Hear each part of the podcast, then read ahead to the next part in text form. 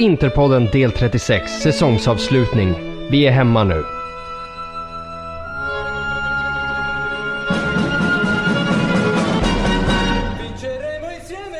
Sådär ja, Interpoddens sista avsnitt för den här säsongen, den så kallade säsongsavslutningen efter matchen mot Lazio. Vi har säkrat fjärdeplatsen. Det vi hoppades på egentligen hela säsongen har vi nu uppnått. Och till ära av den här fjärdeplatsen så har jag fan med mig fyra man idag och det firar vi med presentationer kring siffran fyra och jag tycker fan, eftersom det är säsongsavslutning så kör vi fan lite applåder för varandra också. Så presentationer kring siffran fyra. Ett fyrfaldigt leve i fyrtakt för Siavush Falahi. Yeah, yeah. Vilken jävla episk Och givetvis, givet, givetvis så shottar vi också fyra stycken 4-procentiga fyror i ära av Jakob Planell. Tack så mycket, tack tack. Och med oss som vanligt så har vi också mannen vars röst är fyra gånger så fjärdemjuk som Fyr Elise, Sendrak Thiago. Jag har ju hård röst. Och sist... Och sist men inte minst så avfyrar vi lite fyrverkerier och presenterar Mindfurer Binan Alatar. Helvete! Det blev en blandning Ja mellan men du är ju president, vad ska jag säga? en, en diktator från Mellanöstern. President, inte diktator. Jajamensan. Eh, jag tänker att i, vi ska börja hela det här programmet med att spela upp en liten inspelning som, eh, som vi gjorde här. Jag, Sendrak och Jakob satt ju, och, eh, satt ju hos mig och kollade matchen och jag tänker att vi ska inleda här med en liten inspelning från hur det lät. Delvis på Sendrak precis innan målet och hur det sen låter när målet kommer. Så det kommer här. Men jag, ja, alltså, Där är bra för att där blir det, alltså, där kan blir det det ännu mer. Det blir- Men det blir psykiskt. kom alltså, igen nu då, kom igen nu då, Ja, Skriniar eller byt någon. ut han, fan nej. Jag vill till och med den, alltså. Ja, han är ju bra på hörnor Ja, fan. alltså, Ranocchia, helt rätt, helt rätt alltså. Alltså- Helt rätt. jag, nej, jag tycker Valero ska in. Jag tycker Valero, de kommer backa hem Alltså allt. ändå alltså, det kan bli rätt mycket hörnor och skit. Alltså. Ja men det funkar inte att bara slå långt. Det Nej, nej, nej, nej, nej, nej, nej. Men eh, det kommer ändå upp så mycket hörnor och skit. Alltså fast situationer. Då är han fan bra att ha. Kom igen nu då. Det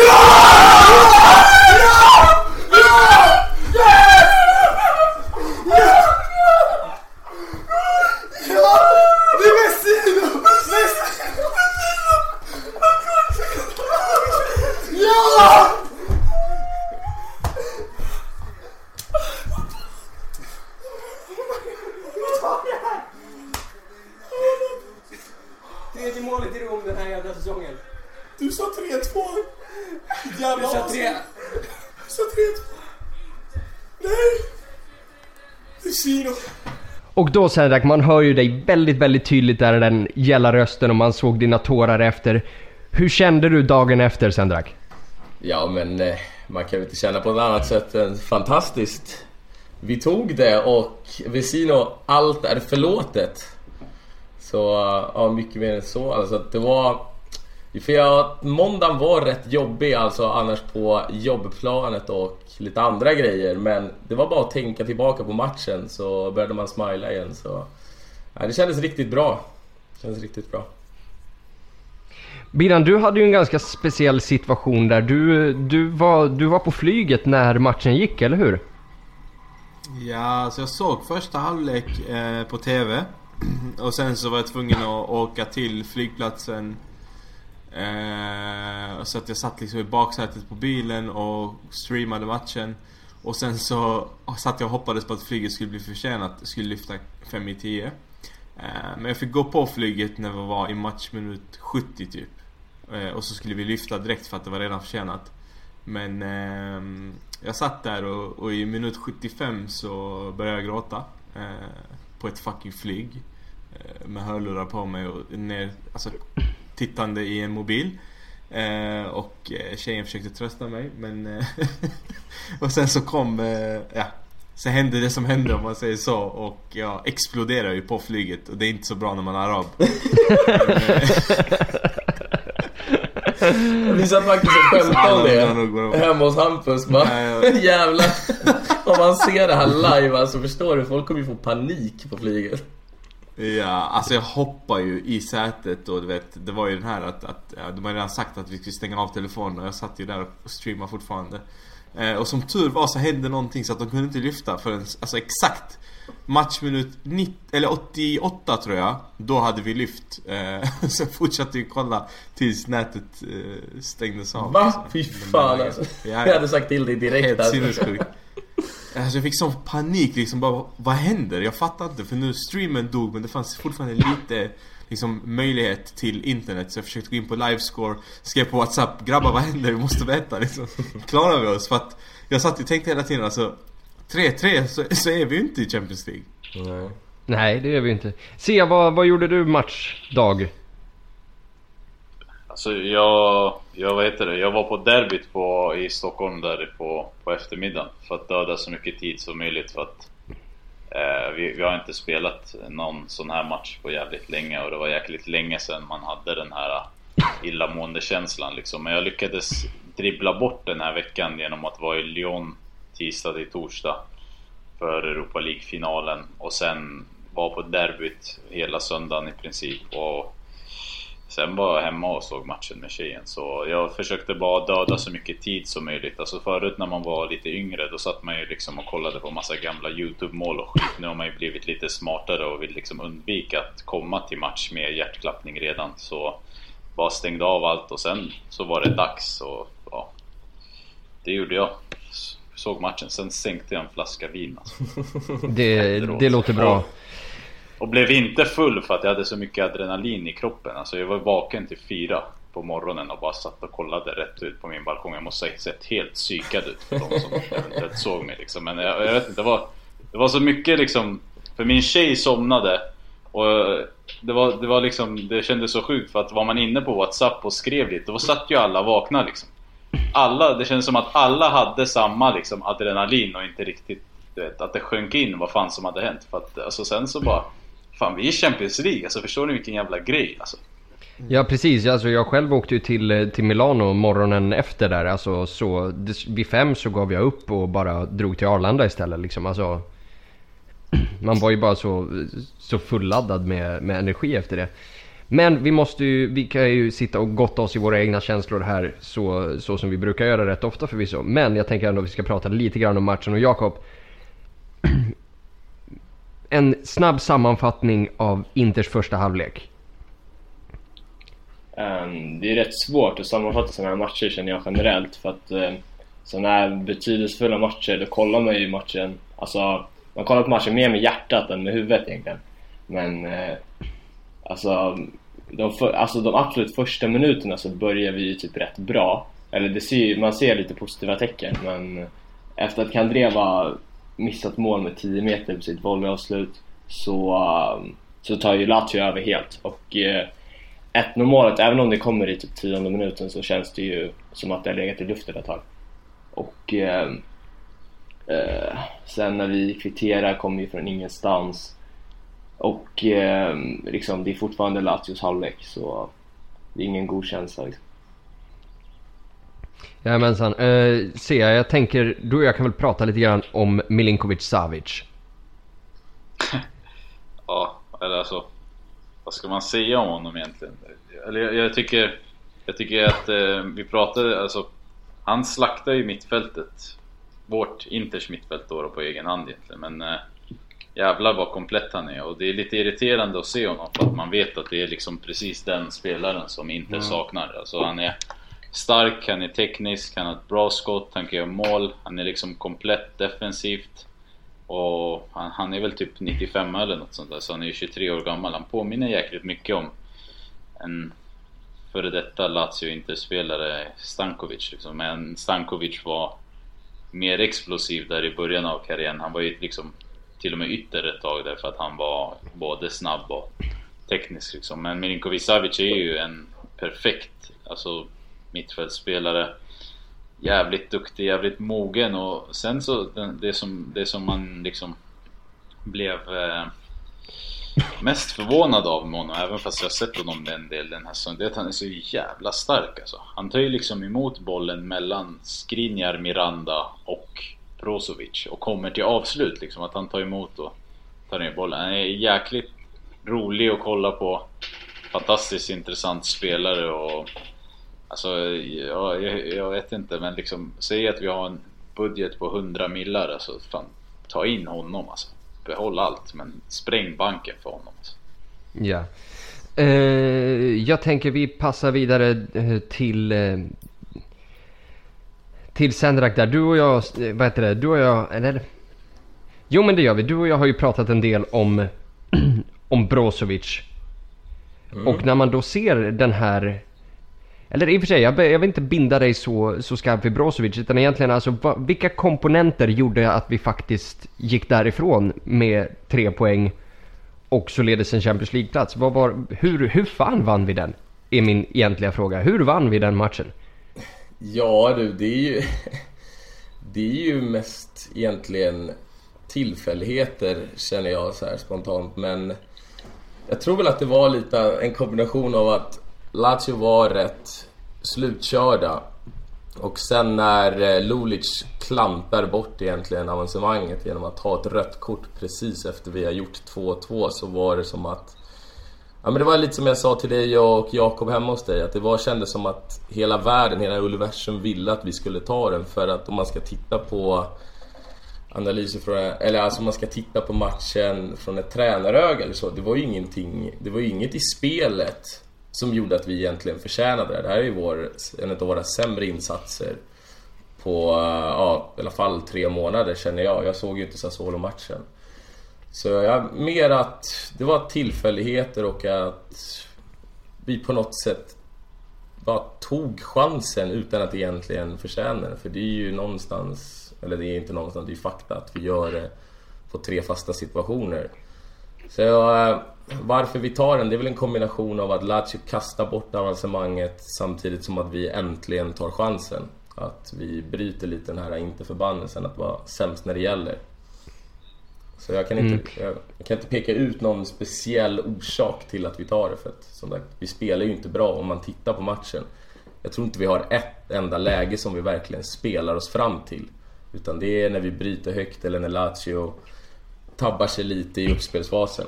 Och då, ja, direkt återövring helt enkelt. Ja men Binan, du, du har ju pratat ganska mycket om det här om de, alla de chanserna vi har bränt och just det är du som har pushat väldigt hårt för att universum vill att vi ska ta Champions League. Och nu har vi gjort det. Har vi förtjänat det? Eh, ja, alltså det har vi absolut. Eh, det är en säsong där vi har plockat ganska många poäng och det har varit liksom tufft rakt igenom. Så att vi har ju förtjänat att, att, att ta en Champions League-plats helt klart. Eh, dock så har vi fått kanske alltså många fler chanser än vad, vad vi förtjänar. Om man lägger upp det på så sätt. Alltså att eh, Lazio klantar sig mot Crotone är egentligen Alltså innan den matchen så hade man ju släppt hoppet. Det fanns ju inget från min sida seriöst hopp på Crotone. Man hade ju det som eh, sista utväg men eh, alltså jag trodde aldrig att det skulle hända. Och när 1-0 kom Alltså i den här matchen nu mot Lazio så kände jag okej, okay, ja ja. Det var bara tvärtom alltså. Vi har fått alla de här chanserna för att lida ännu mer för det är det vi gör som inte supportrar. Eh, och sen så gör den spelaren jag har sågat mest 1-1 liksom. Eh, och så tänker jag så här: okej. Okay, alltså vad händer? Eh, Vi, vi, vi satt faktiskt och pratade om det här Binan att, alltså att vad, vad kul det hade varit att få, att få håna om Dambrosio hade varit den avgörande faktorn till att vi hade tagit det där. Vad vi hade hånat dig. Ja. Men sen är ju han också den avgörande faktorn i, i att vi sen Precis tappar in. efter. Ja, exakt. Ja, alltså och, och det liksom summerar väl han som fotbollsspelare. Men eh, att, att alltså efter det 1-1 så bara okej, men vadå? Ska vi få en till? Alltså ska det svida igen? För att det är det jag kände hela tiden att Alltså om det här nu blir så som det verkar bli, att vi inte spelar Champions League. Då har detta varit, eh, av de här åren, den absolut jobbigaste säsongen. För att jag är inte den som får upp hoppet liksom. Eh, hoppet hade jag släppt flera gånger om. Eh, men på slutet så var jag helt övertygad om att alltså, vi Alltså vi spelar inte så som vi behöver göra när det behövs och matchen mot Sassuolo Alltså det var Ja, det där man kände bara okej okay, det här går inte eh, Och sen så får vi liksom Sen gör de 2-1 och så bara Alltså ah, jag orkar inte. Alltså, jag orkar verkligen inte. Det var därför det var, det var, jag bara bröt ihop liksom. Jag fixar inte det mer. Jag tänkte jag pallar inte. Det, det har varit för Alltså för mycket skiften. Så att Tänkte att det här jag har sagt hela tiden, alltså universum vill det här. Eh, alla chanser har vi fått. Bla Sen bara kände jag nej. Det är bara för att vi ska alltså, känna ännu mer ångest. Men ja. Ja, Så och, blev det inte. och ångestladdat var det ju. Eh, jag tänker att vi, vi ska inte nödvändigtvis hänga kvar allt för mycket vid, vid Lazio-matchen i och med att säsongen är faktiskt över. Eh, vi har gjort det vi skulle ha gjort. Vi behöver summera en hel säsong i det här avsnittet. Och vi behöver också titta på framtiden för det är framförallt det som alla de frågor, alla de, vi har fått så jävla mycket frågor idag och det är så grymt. Och nästan alla de handlar om framtidsperspektivet. Så jag tänker att vi ska släppa Lazio här eh, och gå istället in på, på lite grann vad vi, eh, på hur vi summerar den här säsongen. Och jag vill egentligen hänga kvar vid dig där Binan. För du och jag var ju faktiskt med i första avsnittet. Kommer du ihåg vad du tippade för slutplacering? Ja, femma. Ja, det gjorde du. Jag. Sätt han på plats. Jajamän. Eh, jag kan ju vidare påpeka att jag själv tippade oss som fyra. Så där har jag ju rätt. Visserligen så hade jag Milan som trea. Eh, det, så det jämnar väl ut sig där. Ni andra alltså, har ni trott, har ni trott på det här sen, sen början egentligen? Till, Jakob till exempel, vi kan börja med dig. Eh, alltså jag trodde nog eh, hela tiden, jag, jag tippade inför säsongen som du, en fjärde plats. Eh, det var väl min känsla att eh, Juve och Napoli såklart var starkare men eh, ja, även Roma faktiskt. Jag, det känns ju lätt att säga i efterhand att man hade rätt på topp 4 placeringen. Men jag trodde inte alls på Milan så som du trodde uppenbarligen. Eh, och eh, det kändes ändå som att eh, med Inter med Spalletti och eh, med en trupp som hade blivit något starkare ändå skulle, skulle lösa det. Ja, och framförallt i, i avsnittet innan så tippade väl du 3-2 i slutresultat i Lazio-matchen också, eller hur? Ja, det är extrem flax, men det gjorde jag faktiskt. Ja, och det är ju, det får man ju, alltså, det får man ju lyfta på, på hatten för. Sea, hur, hur har du ställt dig under den här säsongen? Har du trott på att vi, att vi ska kunna ta den här Champions League-platsen? Ja, all, faktiskt ja. Jag, jag har aldrig tyckt att Lazio är så bra som många andra tycker att de är. Eh, jag tror att eh, av många Inter-supportrar så har jag varit en av de högst skrikande om att eh, Inter kommer, eller borde kunna lösa det. Den enda gången som jag kände att det var riktigt jobbigt liksom. Det var ett efter Juve-matchen men två efter Sassuolo när vi torskade den. Då var det jobbigt men det kändes ändå hela tiden som att Crotone de, de hade kunnat liksom fixa det. Och sen så jag, jag tyckte det var Det var intressant det Binan sa där innan hela den här grejen med att vi, vi har fått så många möjligheter att ta oss till Champions League. Alltså det är många som glömmer liksom att Inter hade en början på säsongen där vi liksom hade ett poängsnitt som var alltså titel, titelmässig liksom. Absolut. Och hela den perioden där gav ju Inter chansen och möjligheterna att kunna förstöra lite för sig själva. Jag hade inte räknat med att vi skulle gå tre månader utan att vinna. För att Spallettis lag går ytterst sällan så lång tid utan att göra bra resultat. Alltså jag kommer ihåg i Roma liksom att de hade lite segt i början men sen tog de 15 raka vinster. Alltså du vet att de har haft sådana perioder men aldrig en sån här period. Och det har ju varit liksom typiskt för Inter och jag tycker att det någonstans höjer hela prestationen att lämna det där bakom sig, komma tillbaka, inte bara vinna matcher men också prestera bra fotboll som Inter har gjort. Så jag har alltid haft hoppet men det var jäkligt tungt efter Juventus och framförallt efter Sassuolo där, där Inter liksom kunde fixa till sig den här eh, seriefinalen mot Lazio. För att jag har, alltså det är det som är grejen med Inter. Jag, jag tror alltid att Inter kan slå alla lag. Alltså speciellt hemma men Vi kan också torska mot samma lag. Men att, att vi där liksom, man trodde att vi sabbade chansen, att ge oss själva chansen. Det, då hade jag nästan gett upp. Men sen så ska man inte glömma liksom när folk håller på och hylla Lazio att de är så jävla bra. Alltså vad har de för spelare? Du vet? Alltså, Lulic och Mu- Murgia och Marusic och Wallace och... Den här Marusic är fet. Luis, eh, alltså, Jo men alltså Luis Felipe, alltså du vet Mm. vad, är, vad är det för... sp- vi- vi- vi- Vilka är, vilka är de ens? Alltså jag, jag fan... Jag kollar hur mycket som helst på fotboll men jag har noll koll på de här. Alltså de har ju Luis Alberto och Sergej Milinkovic Savic som är, som är riktigt bra. Sen har de Immobile som har floppat i liksom Sevilla och Dortmund och som bara kan göra mål i Serie A verkar det som. Alltså de, de är okej, men det är inget lag som du kan säga fan det här laget är bättre än Inter. De har snarare fördel av att de möter lag som inte behandlar dem som ett topplag. Då spelar de inte med 11 man i straffområdet och kontrar. Därför har Lazio kunnat ta poäng som Inter inte har kunnat ta. Men Lazio är inte bättre än Inter, så jag har alltid trott att liksom det kommer komma till Lazio Inter om fjärdeplatsen. Jag trodde att Roma i början skulle tappa mer efter tränarbytet. Men de, istället för att liksom tappa i CL-striden så gick inte de inför scudetton, vilket ett sånt lag borde kunna göra. Så jag har alltid trott på det. Och jag är jäkligt glad över att vi lyckades lösa det. Jag hopp, hade hoppats liksom på att vi skulle kunna ha fixat det här för tre veckor sedan, men med Inter så, så blir det inte så. Nej det var ju Får verkligen... jag bara slänga in en, eh, får jag bara slänga in en kommentar där? För jag tycker det var väldigt intressant att säga att eh, ja, men Lazio är inte bättre än Inter. Och jag börjar reflektera, alltså det är inget lag som har slagit oss under hela säsongen som är bättre än Inter. Nej. Bara Juve. Fast de... Fast de är ju inte bättre än Inter. de vann alltså, inte. De var ju sämre.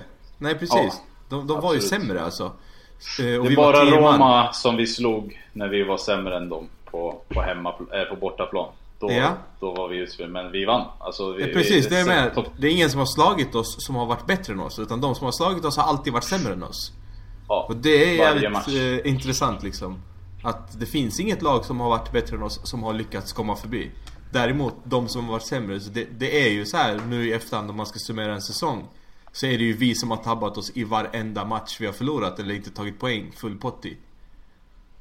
Vi har alltid spelat bra mot dem också. Det har varit sådana där matcher där man har skapat 15 chanser, släppt in på första målchanser mot. Alltså det har varit mycket otur och sånt där. Men det, jag tycker att inför säsongen så säger man alltid att man liksom ska vinna mot smålagen. Men alltså det är en, det är en kombination. För om du inte tar poäng mot storlagen, alltså kolla Milan.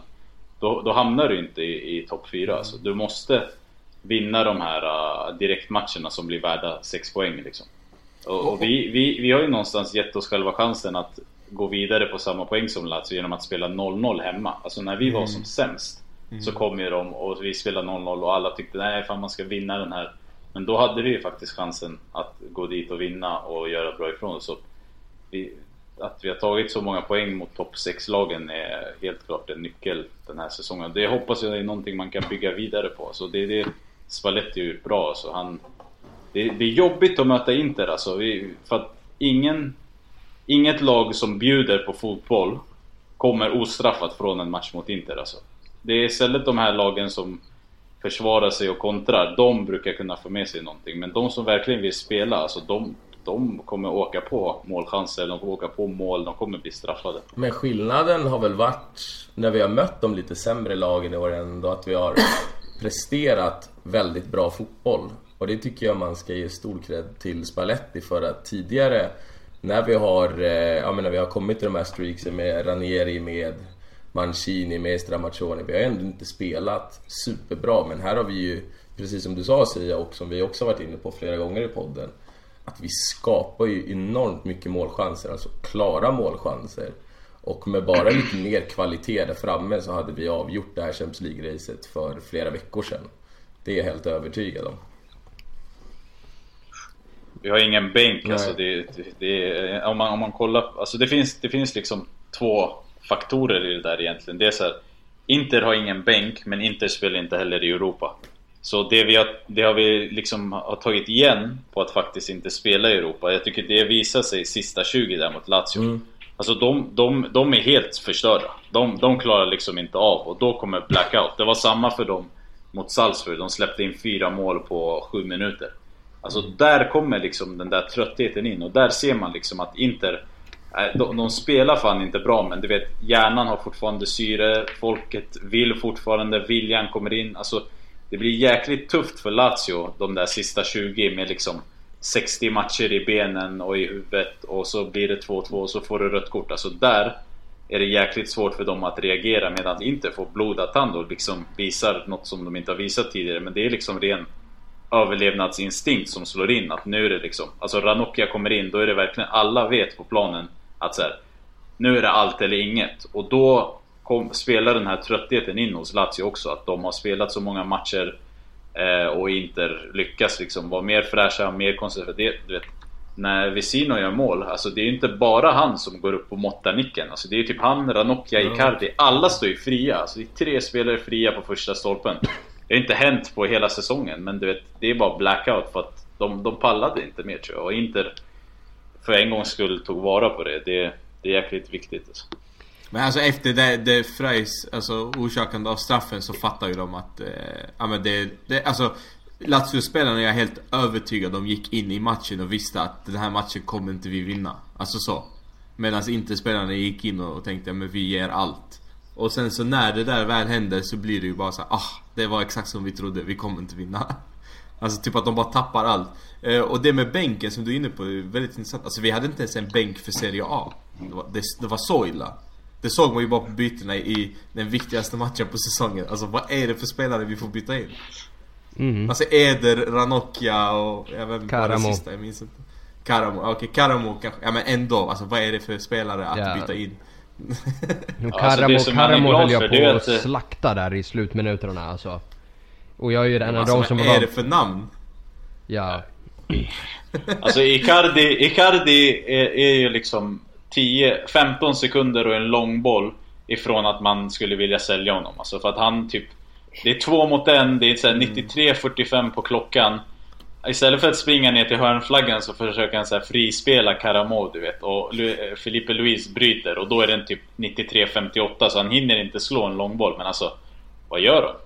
Alltså tänk om... Ja, jag vet, jag vet inte ens tänka på det men... Nej, det där var, det var många skandal, sådana alltså. beslut. Det var ju Men- flera sådana situationer i slutminuterna där också. Även när Karamo Ja. istället för att springa ner till en hörnflagga försöker bryta inåt och...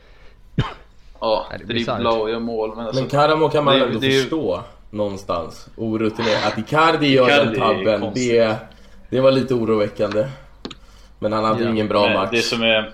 Sett till...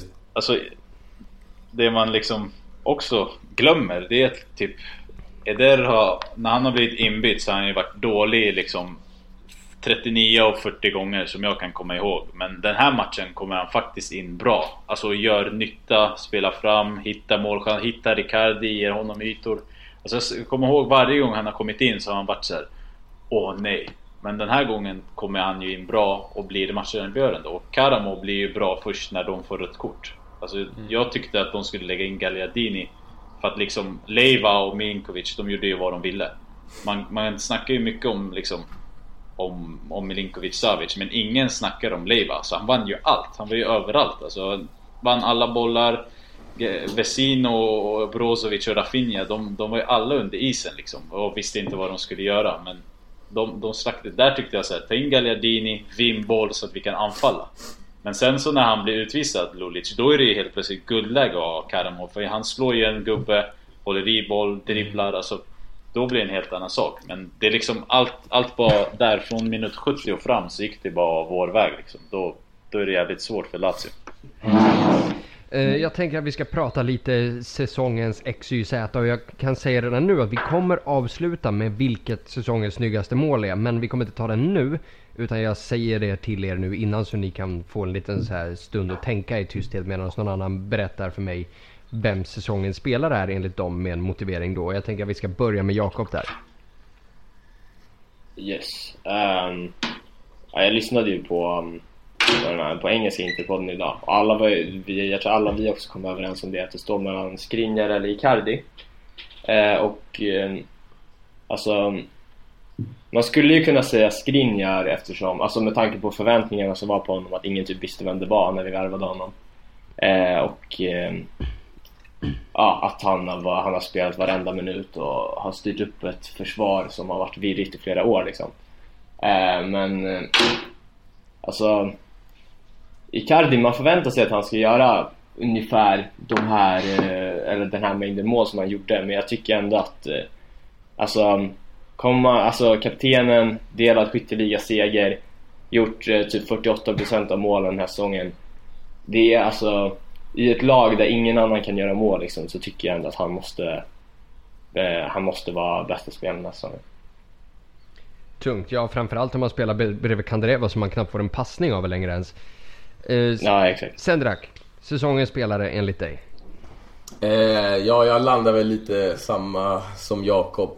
För eh, jag tycker också det att har man ett lag där det är uppenbart att ingen kan göra poäng. Han är, är ändå kapten, han är den som ska dra det stora lasset och ändå prestera på sättet han gör så så tycker jag någonstans att han smäller lite högre än Skriniar för man ska ändå komma ihåg att det är svårare att göra mål än att försvara. Och absolut, Skriniar, ingen vet om honom. Det är en kille som har gjort det extremt bra men man hade inga förväntningar på honom heller. Icardi måste leva upp till skyhöga förväntningar och ändå gå in och göra det hela tiden så att... Ja, jag landade i Icardi. Mm, tungt. Sia, var står du någonstans? Ja, jag är team Skriniar alltså. Jag tycker att... Eh, alltså inte för att basha Sendrak, det är han så. Men jag tycker att... Eh, jag, jag håller med om att, liksom, att ha den pressen på sig är jobbigare. Men jag tror också att Icardi liksom är van med den. Och känner till Inter och Milano och, och landet. Och, alltså förväntningarna och San Siro och allt det där. Jag tycker Skriniar liksom... Jag tycker att det som, fall, alltså det som liksom fäller avgörande för mig, det är att Skriniar inte haft en enda dålig period. Spelat varenda minut. Så har de fått två gula kort. Alltså det påminner mig om när Milan hade Thiago Silva liksom. Alltså han var så överlägsen att han inte behövde kapa folk. Det var, det var helt sjukt att se på. Och Skriniar har lite den där grejen liksom. Att han är snabb, stark, smart, duktig fot. Men först alltså jämfört med Icardi som alltså 30 mål, det gör inte alla. Men Icardi förväntar jag mig det av. Skriniar kommer liksom in Ah, jag, alltså jag kan inte ens beskriva hans säsongord, men jag tycker just den där grejen av att han inte bara presterar, men att han också tar klivet från en mindre klubb till en större klubb och aldrig slutar prestera. Eh, det tycker jag för mig gör att han blir eh, den, den som har varit bäst den här säsongen. Sen så, eftersom att Jakob redan har lyssnat på programmet så har han redan hört det, men jag tycker att när vi gör såna här grejer, då glömmer vi liksom att typ nämna att Spalletti kanske är säsongen, en av säsongens viktigaste. Publiken eh, förtjänar liksom ett hedersomnämnande men i valet om det bara är spelare så är det för mig Skriniar. Jajamän. Eh, Binan, sista ordet då på den här frågan. Det är... Alltså helt ärligt, jag tycker att argumenten för båda, eh, som både Sia, Sendrak och Jakob är inne på, är så jävla svåra att välja på. Eh, och så tänkt här nu i lugn och ro, men jag slås ändå av att Alltså den som har avgjort säsongen, den som har gjort det att vi är där vi är och liksom att vi har lyckats med det här Det är ändå Icardi, för i de här avgörande lägena, de här avgörande matcherna, i de här avgörande straffsituationerna Men ta straffen mot Lazio. Va, Vad säger att han skulle sätta den? Alltså i de här sakerna så har han varit liksom en helt, helt, helt egen nivå. Av säkerhet, av trygghet, av, alltså vi tvekar ju inte på att han skulle sätta straffen Nej. men alltså, med vilken annan anfallare i världen som helst så hade jag tvekat. Alltså med Ronaldos straff mot, eh, eh, vad heter det? Mot Juventus. Alla tvekar. Men, jag, jag tvekar inte fastän i min värld så be, betyder den här straffen mer än, eh, mer än den där i Champions League liksom. Så att alltså, nej han har, han har betytt mycket, mycket mer. Eh, och säsongens utropstecken helt klart Skriniar. Men spelare som har varit, alltså dessutom, trots hur bra han har varit kritiserad alltså under hela säsongen Ja. av allt och alla. Av sina egna fans och ändå liksom är den som till slut är den som avgör. Eh, och, och jag skulle säga så här en sak till som jag också kommer att tänka på som absolut inte är säsongens spelare. Men också en som faktiskt förtjänar mer än den respekten i alla fall jag har gett honom under säsongen. Det är faktiskt Brozovic. Och även fast han försvinner i den här matchen och kanske till och med mot Sassuolo Så är det nog han som ändå vände på vår skitform. Det är ändå han som har fått oss att hoppas lite mer än alla andra. Vi, vi har skrattat åt honom och skrattat åt hans liksom eh, med sociala medier och hans tröjor och hans eh, merch, allt det där. Men fan, det är han som har fått oss att få hoppet, i alla fall mig. Eh, och tro på det lite grann ändå. Eh, och jag som sagt, jag och Danny är kända för att vara lite mer negativa än alla andra. Ja. Så där när han, när han tacklar Filippe Andersson där, alltså du vet när man sett, alltså det, vi kritiserar ju Dambrosio för det där första målet men alltså jag tycker det är Mirandas fel men när man ser liksom Brozovic börja bakom och springa ikapp Filippe Andersson alltså, och sen tackla ut den över sidlinjen i, alltså, i Mm. 80 eller vad det är, så då är man såhär, vem, vem är det? Alltså, vad, vad, vad, vad hände liksom? Det har varit många sådana där situationer de senaste veckorna där han liksom Alltså typ det stod 4-0 i någon match Och han liksom Han gav slog en, han, han slog en felpass eller någonting och så blev han skitarg på sig själv Alltså man har inte sett det där liksom Det är ju Det, det, det, sjukt, sjukt det är- härligt att se alltså. Ja, jag har sagt det, riktigt- det är, alltså det, sist man såg det på en inte-spelare så var det Schneider. Alltså, han var också så, han, han tog extra hårt på när han själv gjorde fel. Jag älskar det där. Så. Eh, Och sen det är ju extra skönt för oss som alltid har liksom trott på Brozovic som spelare, alltså så här, att man liksom har varit tvungen att försvara honom. För det är inte så enkelt att försvara en sån där Alltså när han har varit dålig, då har man ju vi liksom hatat honom för att han är så jävla arrogant och liksom sådär men Man ser ju vad han kan liksom. Och det är jäkligt skönt att han får ut det i Inter. Alltså det är en typisk sån där spelare som hade lämnat för liksom Sevilla och varit bäst på plan i Champions League när de slår Man United. Men det är skönt att han får ut det i Inter. Jajamän, eh, jag tänker fälla den inte direkt avgörande rösten här överhuvudtaget om jag ska vara helt ärlig. Men eh, jag kommer också säga Icardi så res- eh, omröstningen här mellan oss slutar ju då 4-1 till Icardi och det är bara Sia som inte håller med så därför kommer inte Sia vara med igen.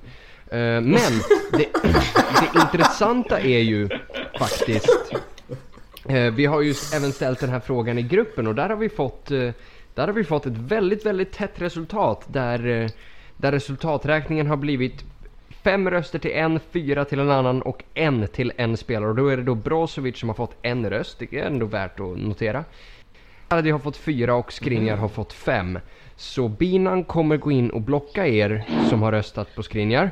Och så säger vi att Icardi vann. Nej, jag, jag förstår det. Det finns ett moraliskt eh, dilemma för eh, många som håller på Inter är ju internationella också. Alltså, jag tror att man har ett speciellt band till Inter som invandrare också. Så. Eh, antingen är man eh, tjuv och håller på Juventus eller så är man eh, invandrare i Sverige och håller på Inter för att de står för väldigt fina, ja, man har väldigt fina värderingar. Eh, och som invandrare så tar vi kanske extra hårt på just Eh, ja, jag ska inte gå in på men Maxi Lopez saga. Så att även fast man älskar Icardi så tror jag att man har ett litet så här eller många har svårt att det, det slår mot värderingar. Ja, jag, jag, jag har suttit och funderat på det här på senaste tiden och allt det här som pratas om att Icardi stal Maxi Lopez fru, det bevisar ju bara den, den sexistiska Ja, kvinnosynen precis. som man har och så vidare. Däremot, om alla de här historierna om som, så som det beskrivs var sant så skulle jag nästan gilla Icardi ännu mer. Om han bara la henne i en säck och sprang. Alltså, om det var liksom stöld på riktigt liksom. Jultomten liksom Alltså det, det, hade, Fan, jag, jävligt kul. det hade... Jag, jag satt och käkade lunch. eh, Ja, jag satt och käkade lunch med en eh, kollega idag eh, och vi hade liksom ett väldigt viktigt möte. Eh, så att vi var, alltså jag, jag försökte verkligen vara fokuserad på vårt möte och vi har bokat in den här lunchen för att ha det här mötet och liksom har försökt några veckor nu. Och så sitter bordet bredvid, jag hoppas ni lyssnar, men så sitter två, två snubbar och snackar om Maxi Lopez och Icardi, hela den sagan. Den ena berättar för den andra och jag kan liksom inte slita mig från att lyssna. Och jag vill bara hoppa in och bara... Men det är inte så, man kan inte bara ta någon. Det är inte så det funkar liksom. Men, Nej, alltså det, det, det finns, alltså det är ingen som liksom eh, Alltså det är ingen som snackar om Maxi Lopez liksom Så här, alltså han, Alltså, han knullar horor i, i, i sängen när Wanda sov bredvid liksom. Alltså, så här, det är ingen som nämner det alltså. Ja. För det är Messis bästis det där för fan. Alltså, men det, det finns mycket, alltså, men det jag tycker är ganska så här, intressant när man kollar på liksom Alltså så här, om man kollar på typ Sport Bible eller så här, Bleacher Report Alltså så fort det är någonting om, Icardi Så är så här, högsta kommentaren med flest likes någonting om Så här, haha, han kan, nu kan han inte sno deras fruar, haha. Och så är det så här, 1500 snubbar som har gått in och gillat det. Det är så jävla lökigt alltså. Det är verkligen så här. Det är verkligen roligt? så här, ja men det, det är verkligen så här. Killars humor, killars sätt, killars sätt att värdera nyheter. Alltså jag tror att alla de här liksom berättar det här för sina flickvänner. Då är ju ingen liksom kvar i relation efter det där. De kommer bara, vad är, vad är det med liksom? Hej då alltså. Det, det, det är helt bisarrt alltså. Och jag tycker att hela, alltså det här har ju blivit så för att liksom Alltså i början, jag, jag satt och tänkte på det idag. Alltså han la ju upp så här bilder när han åkte bil med det här otrohetstecknet. Alltså förstår ni?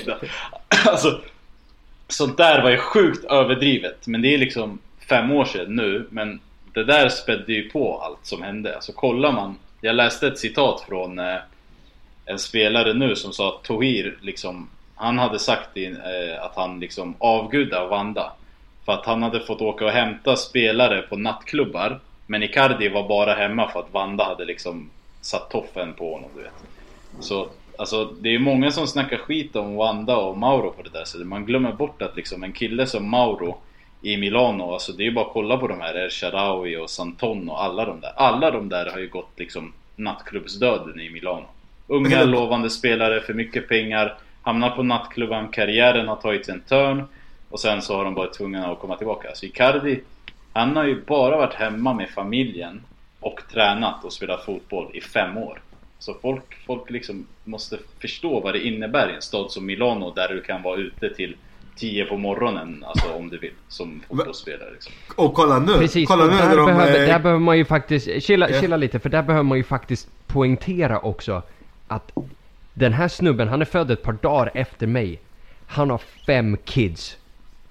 Alltså förstår ni vilken man det där är? Alltså jag, jag skulle aldrig skaffa fem hamstrar. Nej, men- Alltså, Han snodde dem också, det var en annan säck. Det var säcken bredvid. som- Tre barn i den. Nej men, men, men det här är intressant det som, eh, det som vi är inne på här med, med att han, eh, ja, han festar inte och han dricker. Alltså kolla nu se- sen Champions League eh, säkrades. De landar klockan 2.13 eh, i Milano. Han har inte har ju- somnat. Han, nej, han har supit sen dess. Hemma! Han går inte ens ut. Han sitter och grillar och ja, super han, hemma. han och Lisandro Lopez sitter Ja. på balkongen och sjunger liksom. Alltså älskar Cola och, och någon jävla gammal... Fan. Det är legendariskt. Alltså det är det man älskar ju. Alltså jag hade blivit så jävla besviken om han liksom hade... Alltså man hade sett honom så här, spy på en nattklubb. Han gör såhär gubbfästning ändå. Alltså det är ändå så här att Wanda håller koll på honom. Liksom håller pungkulorna i handen och så här. Du får festa men jag ska fan ha koll på dig. För snart ska vi förhandla om kontrakt din jävel. Och så skriver tidningarna om hur han inte kom med i argentinska landslaget. Hela Maxi Lopez saga ploppar upp igen. Han sitter på balkongen, dricker Fernet Cola med Lisandro, grillar, lägger upp på, på Instagram eh, klockslag 08.21. Man bara en grill? Alltså jag älskar honom Nej så alltså jävla jag, mycket jag alltså. avgudar honom. Det finns inget, alltså det går inte att förklara. Lisandro Lopez har ju gjort skäl för transfer till Inter bara för den här klippet. Alltså så här, det, det var allt, allt var värt det. Ja men alltså Lisandro Lopez, kan inte han bli lite grann som så här Gianluigi Donnarummas lite lätt semi-retarderade bror och bara liksom vara där för att hålla Icardi glad liksom? Jo men, jo, men typ Orlandoni, alltså så här, bara, alltså, bara, så här, skön snubbe som alla tycker om, lite för dålig för att spela fotboll men han gillar Icardi liksom. Så, Men har, har inte Padelli den rollen? Han, han är ju bra på riktigt.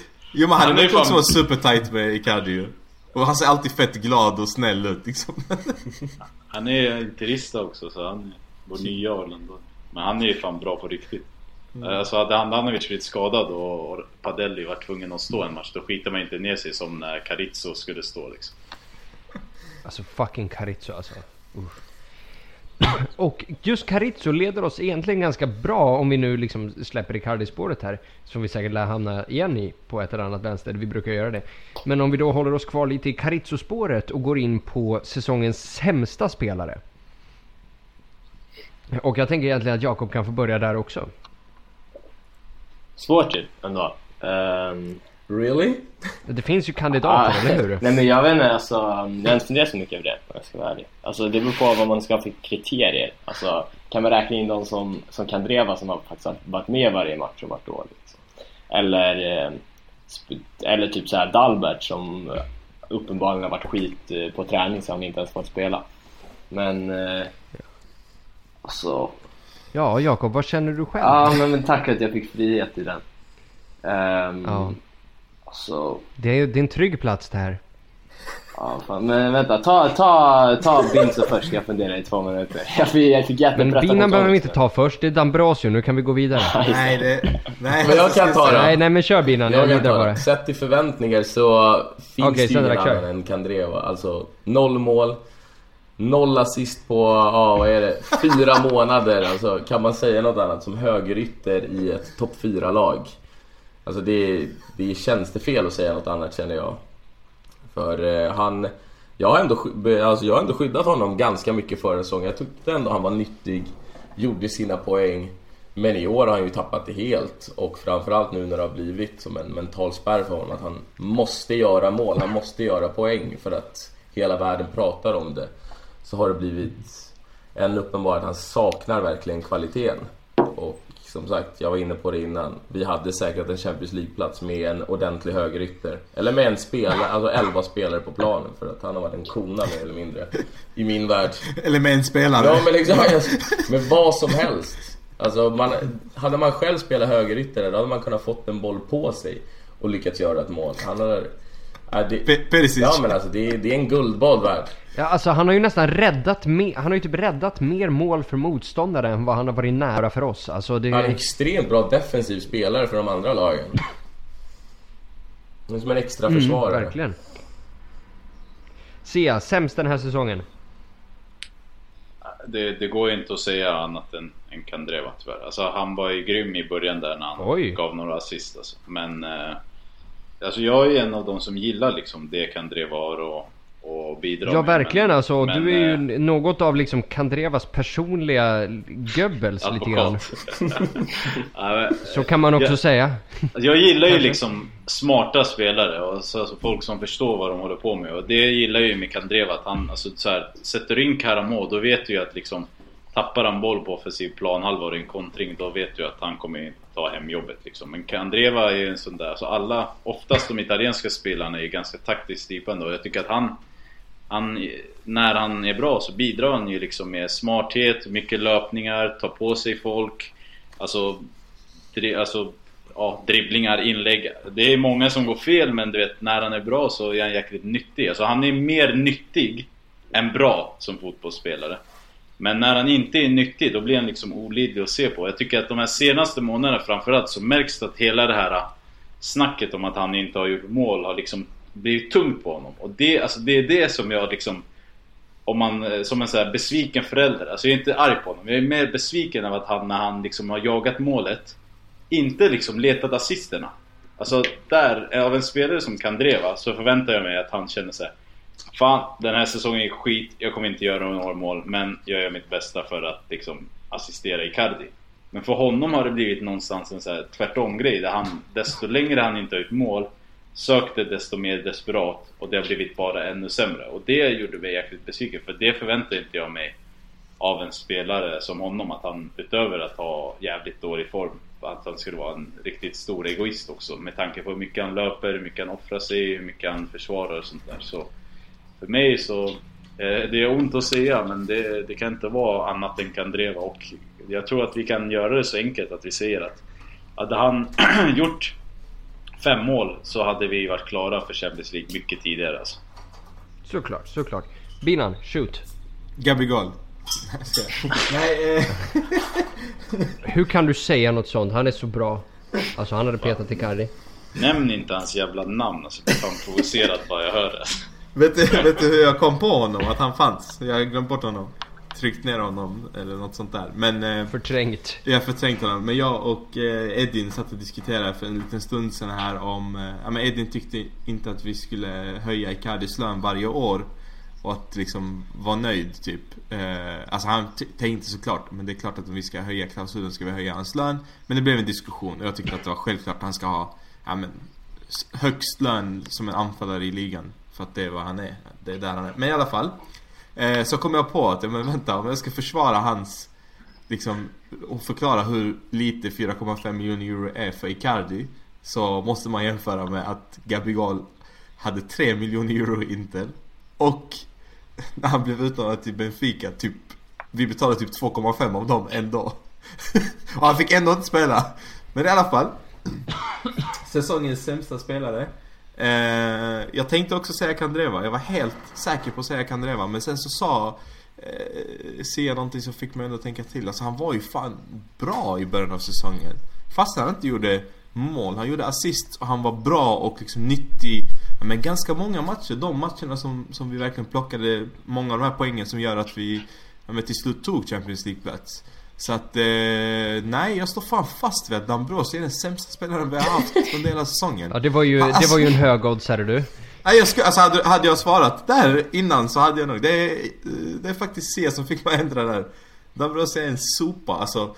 Och jag tänkte så här, men fan han räddade ju ändå upp det med målet mot Lazio. Och sen så bara kom jag på, vad fan. Det är han som gör bort sig totalt vid, eh, alltså 2-1 målet. Men allvarligt, alltså du argumenterar alltså att Jag Dambrosio hatar honom, är jag hatar sämre honom. än Santon? Ja! Ja! Sämre än Dalbert? Alltså, Santon och Dalbert har inga förväntningar på... Eder. Dambrosio Dambrosio är en startspelare i Eder, Inter. really? Eder? Nej, fan Santon, fan, Santon finns ju bara måste två. fan vara sämst i år alltså. Han Ja, men det finns ju bara oss 12 poäng på egen hand alltså. Fast man kan ju Ja. bara räkna på två, alltså det finns ju bara två spelare som det här står mellan. För att man kollar efter 38 matcher. Och de 38 matcherna så finns det två spelare som, som liksom eh, ja, men man kan välja på tycker jag. Och det är Kandreva eller Dambrosio. För Kandrevas, alltså vår, what the fuck?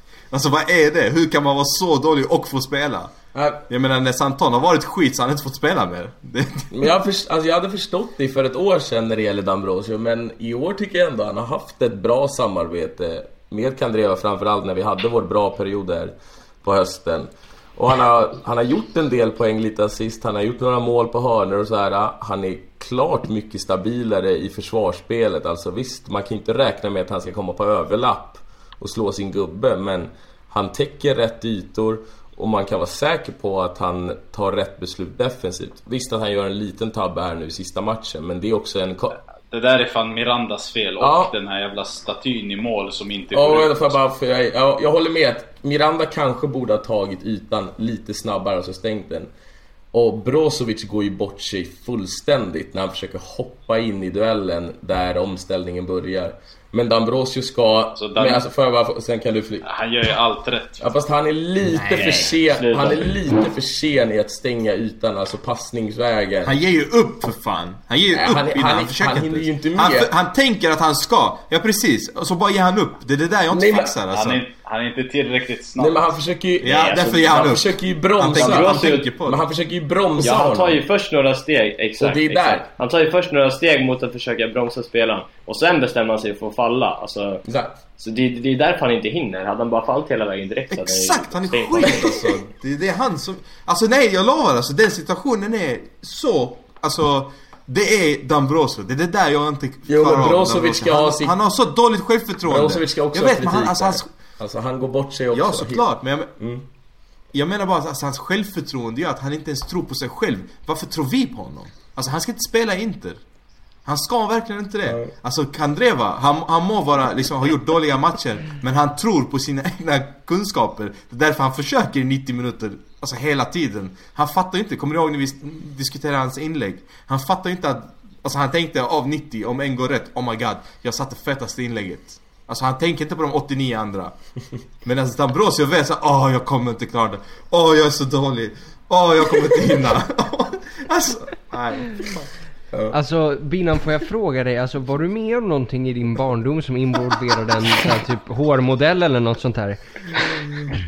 För då kan jag förstå det här hatet men annars så är det fan lite överdrivet alltså. För Alltså, vi har haft han- mycket han- sämre spelare Hur, hur, än gam, hur gammal är Dambrosio? Vad kan han vara? 29 kanske? Han kommer aldrig någonsin spela toppfotboll igen. Det, det här är liksom... Champions nästa säsong. Nej, han kommer inte spela i Inter någonstans. Om inte, om inte den sopan åker bort från klubben. Och när han går till, när han går till Torino eller något sånt här. Så kommer ni få se att killen kommer få nöta bänk för de kommer fatta vad är detta för sopa? Hur kunde han spela i Inter? Blir Det är en. Jonathan, det är en Jonathan. Han skeppar honom till Brasilien.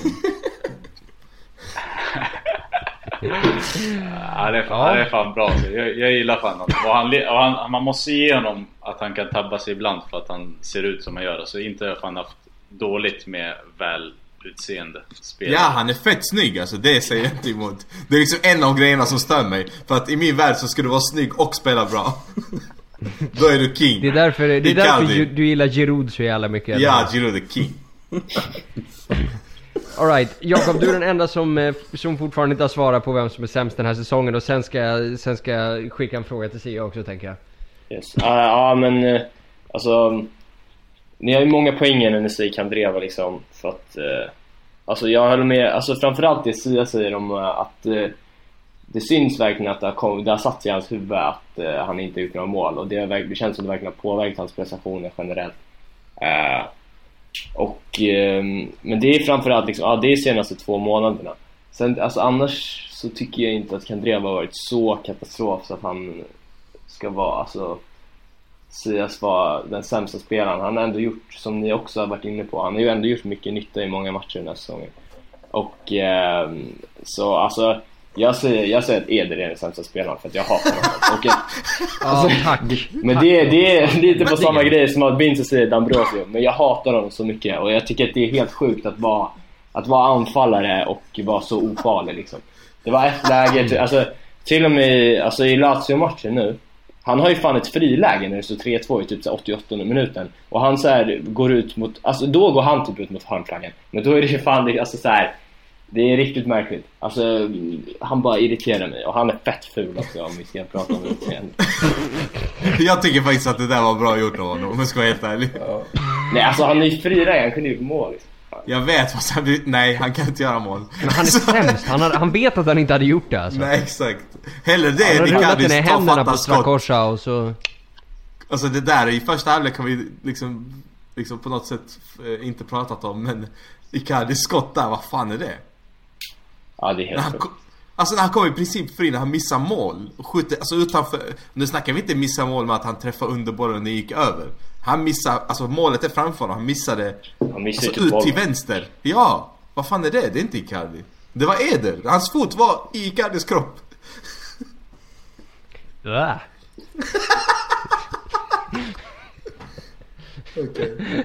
Ja, nej men visst alltså, absolut. Eh, se, jag har ju, jag som säkert många andra här har ju faktiskt eh, också lyssnat på, på, på The Interpod idag eh, hem från Milano. Eh, och du gick ju loss lite grann där på Handanovic. Men den här podden är ju inte heller lika sofistikerad eller proper så som The Interpod är. Så skulle du vilja säga några fler välvalda ord om Handanovic möjligtvis? Alltså ingenting som jag egentligen inte har sagt det. Alltså sådär. Jag, jag tycker att jag tycker att det är fel, alltså såhär. det, det blir så skevt när man diskuterar honom för att såhär..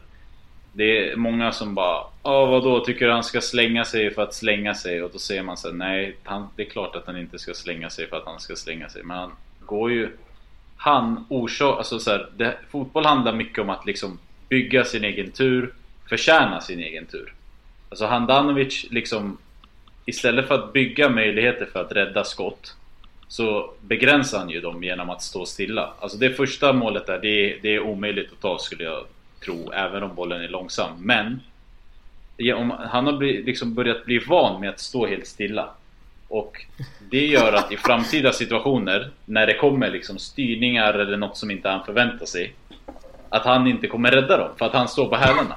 Och det är jäkligt störigt att se för att och sen så är det andra målet. Alltså det, Och det blir också så skevt för att folk bara Åh shit, det var helt otagbart, såg det inte på reprisen. Det var, det var liksom Det var ett perfekt avslut i hörnet. Jo men varför är det där hörnet alltså helt jävla öppnet? Alltså det, det är ju för att han hamnar på mellanhand. Alltså han, jag har sett det där så många gånger. Han tar liksom ett steg fram och två steg bak. Så han hamnar inte i en position där han liksom skär av Filipes vinklar för ett skott eller står kvar i mål där han måste ta några meter till. Utan han hamnar i en vinkel där hans högra hörn och Filipes vänstra hörn Alltså det är fem meter han kan pricka på. Nu sätter han den perfekt för att det är helt öppet men alltså han hade ju inte ens behövt göra det. Och det, alltså det där, det är ett problem liksom som, som han har Eh, som, och som någonstans grundar sig i att han är kär i sin linje. Alltså han vill verkligen stå på linjen och han har väldigt svårt att lämna den. Ett, för att gå ut och boxa. Två, för att gå ut och skära av vinklar. Och tre, för att det är linjen som är den enda stället där han faktiskt är fantastiskt bra på. Det är där han gör sina räddningar, det är där han kan utnyttja sina reflexer. Och det är där han är hemma liksom. Men Men- han, han kommer liksom på mellanhand där och det, alltså, det är så här, alla, ja men det var D'Ambrosio, det var Miranda och det var allas fel. Ja, det var absolut det men de bästa målvakterna i världen de är ute där. Alltså de täcker av möjligheten att göra ett enkelt avslut i det läget. Alltså det ska till fan du, ett fantastiskt avslut eller en magisk chip eller du vet Men här behövs det inte. Alltså det är en enkel jävla bredsida som man sätter och, och det blir mål och det, det är inte Så det är inte tillräckligt bra alltså. Och sen kan man ta alltså Milinkovic Savic frispark. Där står han ju också på linjen och han rör sig inte, han tittar. Och det är det här tittandet som du är inne på också. Det som stör en. Ja, han- Alltså extremt om- mycket. Ja, kör. Så ser jag sen. Ja nej men alltså att han bara står och tittar på bollen. Men en sak sl- har slått mig också nu när vi ändå pratar om det. Du ska få fortsätta där men jag ska bara säga det. Det finns ju ingen som tycker om Icardi och Handanovic. Alltså det är antingen Icardi eller Handanovic. Det tycker jag är jävligt intressant. Alltså tycker man om Handanovic då, då har man någonting emot Icardi. Tycker man om Icardi så har man någonting emot Handanovic. Va, vad fan är det? Varför är det så? Alltså det, det, det, det appliceras till och med på mig liksom. Argumentationsgrejen liksom. Men det, alltså det, jag vet inte för att du vet när han gör sådär, alltså jag börjar tänka så här, tror han att han är Yoda eller du vet X-Men den här som har så här röda strålar som kommer ut i ögonen och bränner saker. Alltså tror han att han ska kunna typ hypnotisera bort bollen eller vad händer? Alltså det är, det är skitprovocerande och det, och där, alltså så här, jag tror för han, alltså och som jag sa, jag vill inte att han ska slänga sig för att slänga sig, men jag tror att för hans skull så måste han börja reagera. Alltså han kan inte ha den där grejen där han så här, Ja nu kommer ett jävla skott här till höger och sen så styrs den och går till vänster och då står han still. Alltså det är ju många gånger som inte den bollen går in i mål. Och man bara "Ah, ja men det hände ju ingenting. Så det fanns en situation i den här matchen där liksom det kommer ett ganska ofarligt inlägg från högerkanten. Tror det är Filippe Andersson igen. Så så här, han är, det är ensam, det är fyra interspelare i straffområdet. Han slänger sig, tippar ut bollen mot hörnet. Alltså du vet, kommer en Lazio-spelare där. Då, då är det ju mål. Och Skriniar kollar på honom och typ, vad fan håller du på med? Alltså du vet, hela den grejen, det tyder liksom på att han har inte kontroll över sitt straffområde och i så här jobbiga lägen smittar av sig på, på försvararen. Alltså jag vill inte vara den som är så här, fan jag åker till arenan och ser fotboll på plats och sånt där. Men när man är på San Siro och sitter, eller står där jag står och har liksom honom under sig. Jag har gjort liksom 30 matcher med honom. Alltså då blir det extremt tydligt att han osar av osäkerhet så fort matchen börjar gå dåligt. Alltså du vet när vi var Ja, bra och vann alla ett matcher. strålande exempel, ett strålande exempel på det är ju liksom det självmålet som Ranocchia står för. När Skriniar helt ohotad med, med ryggen mot spelet rensar bollen på Ranocchia och in. Alltså om Handanovic skriker där att det, du har inte en spelare i, i närmaste grannkommun ens, ta det lugnt. Exakt, och det, och det är liksom sådana saker som han måste göra bättre. Alltså som, så, och du vet grejen är att han är, alltså, han är inte ens i den åldern där han kan förbättra saker. Det är bara sånt som han måste liksom vänja om sig och det är det som är svårare för att egentligen är sånt här alltså, som yngre målvakter lär sig i början och sen har med sig. Han har liksom kommit någonstans där han är äldre och börjar, liksom hans brister är tydligare. Folk börjar se dem. Jag har hävdat det här i några år liksom. Men oftast så släpper han inte in mål och då bryr man sig inte. Och det är liksom, det är som med anfallare. De missar tre lägen men gör ett mål och de är gudar ändå. Men målvakter är mer blottade på det sättet. Men jag, sen, alltså jag, jag tycker det är en bra målis. Men han har förbättringspunkter. Och man måste kunna få kritisera den här killen. Och vi måste ta död på myten, nu ska jag fan säga det en gång för alla. Om att Inter hade spelat i Serie B utan Handanovic. Alltså jag kan säkert ha sagt det för fem år sedan, men jag var ung och dum liksom. Nej, Inter hade inte spelat i Serie B utan Handanovic. Alltså kom, minns någon av er en match den här säsongen när Handanovic har gjort lika många kvalificerade räddningar. Alltså inte så här Milinkovic Savic skott utifrån som går rakt på honom som han boxar bort. Alltså som Concili gjorde mot Inter i Inter Sassuolo. Alltså minns ni en sån match där han har fem räddningar där du kan säga så här. Det här var fem jäkligt bra räddningar. Han slängde sig, han gjorde sig stor, han kom ut. Alltså, jag, jag minns inte en match där han har gjort fem kvalificerade räddningar. Alltså. Men man minns alla med Julio Cesar. Det är det som är det sjuka.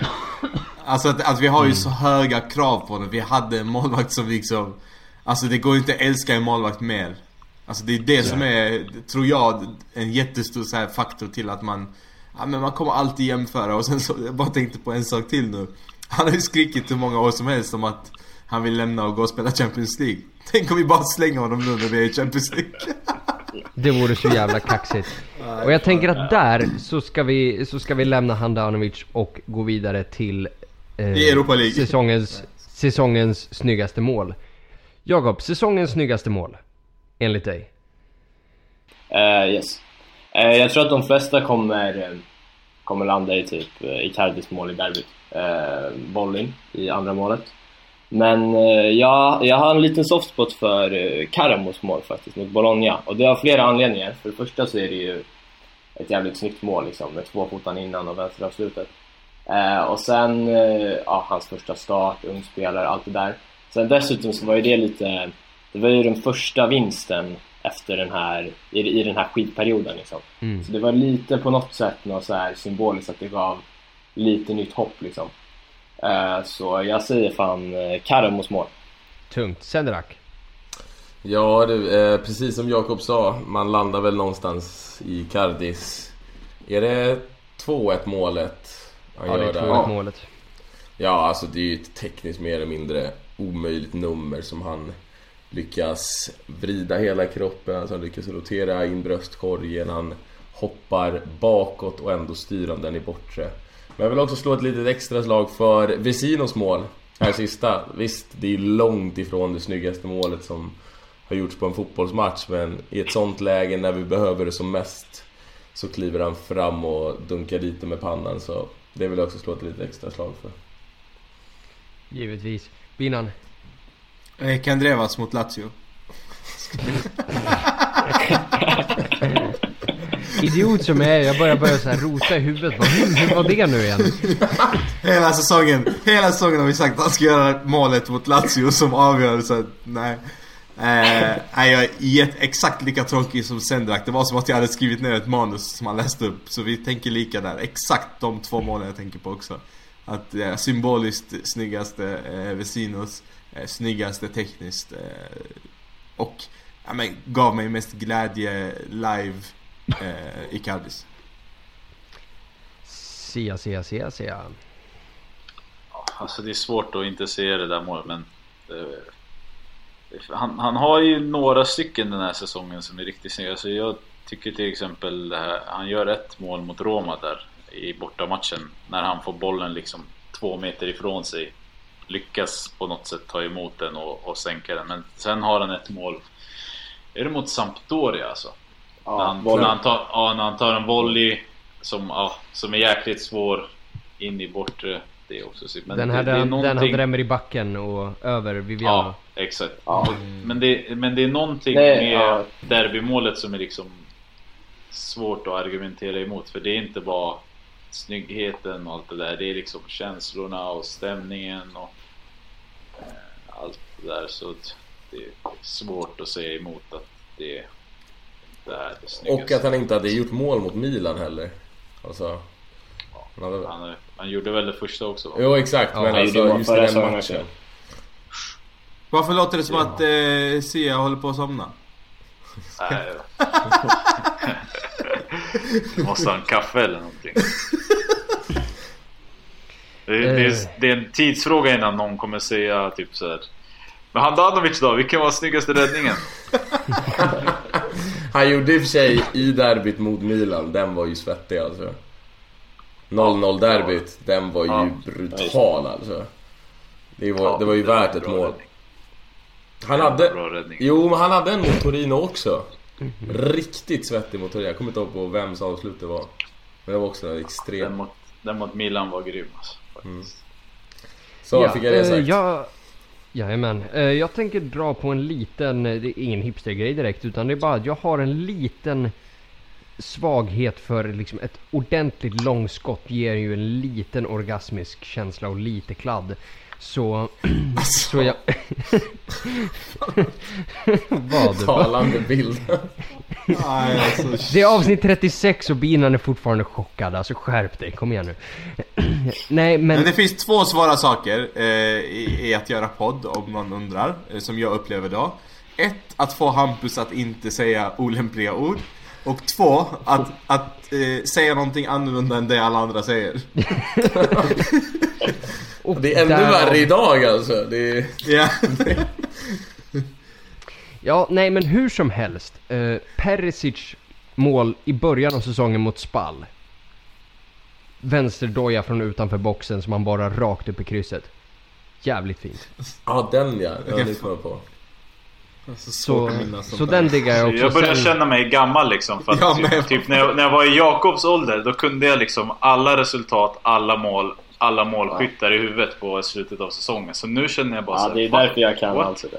Slutet av säsongen. Jag, Jakob kan alla säsonger, alla mål. Jo men det är det, jag har fan glömt bort Matchminut. allt. Alltså.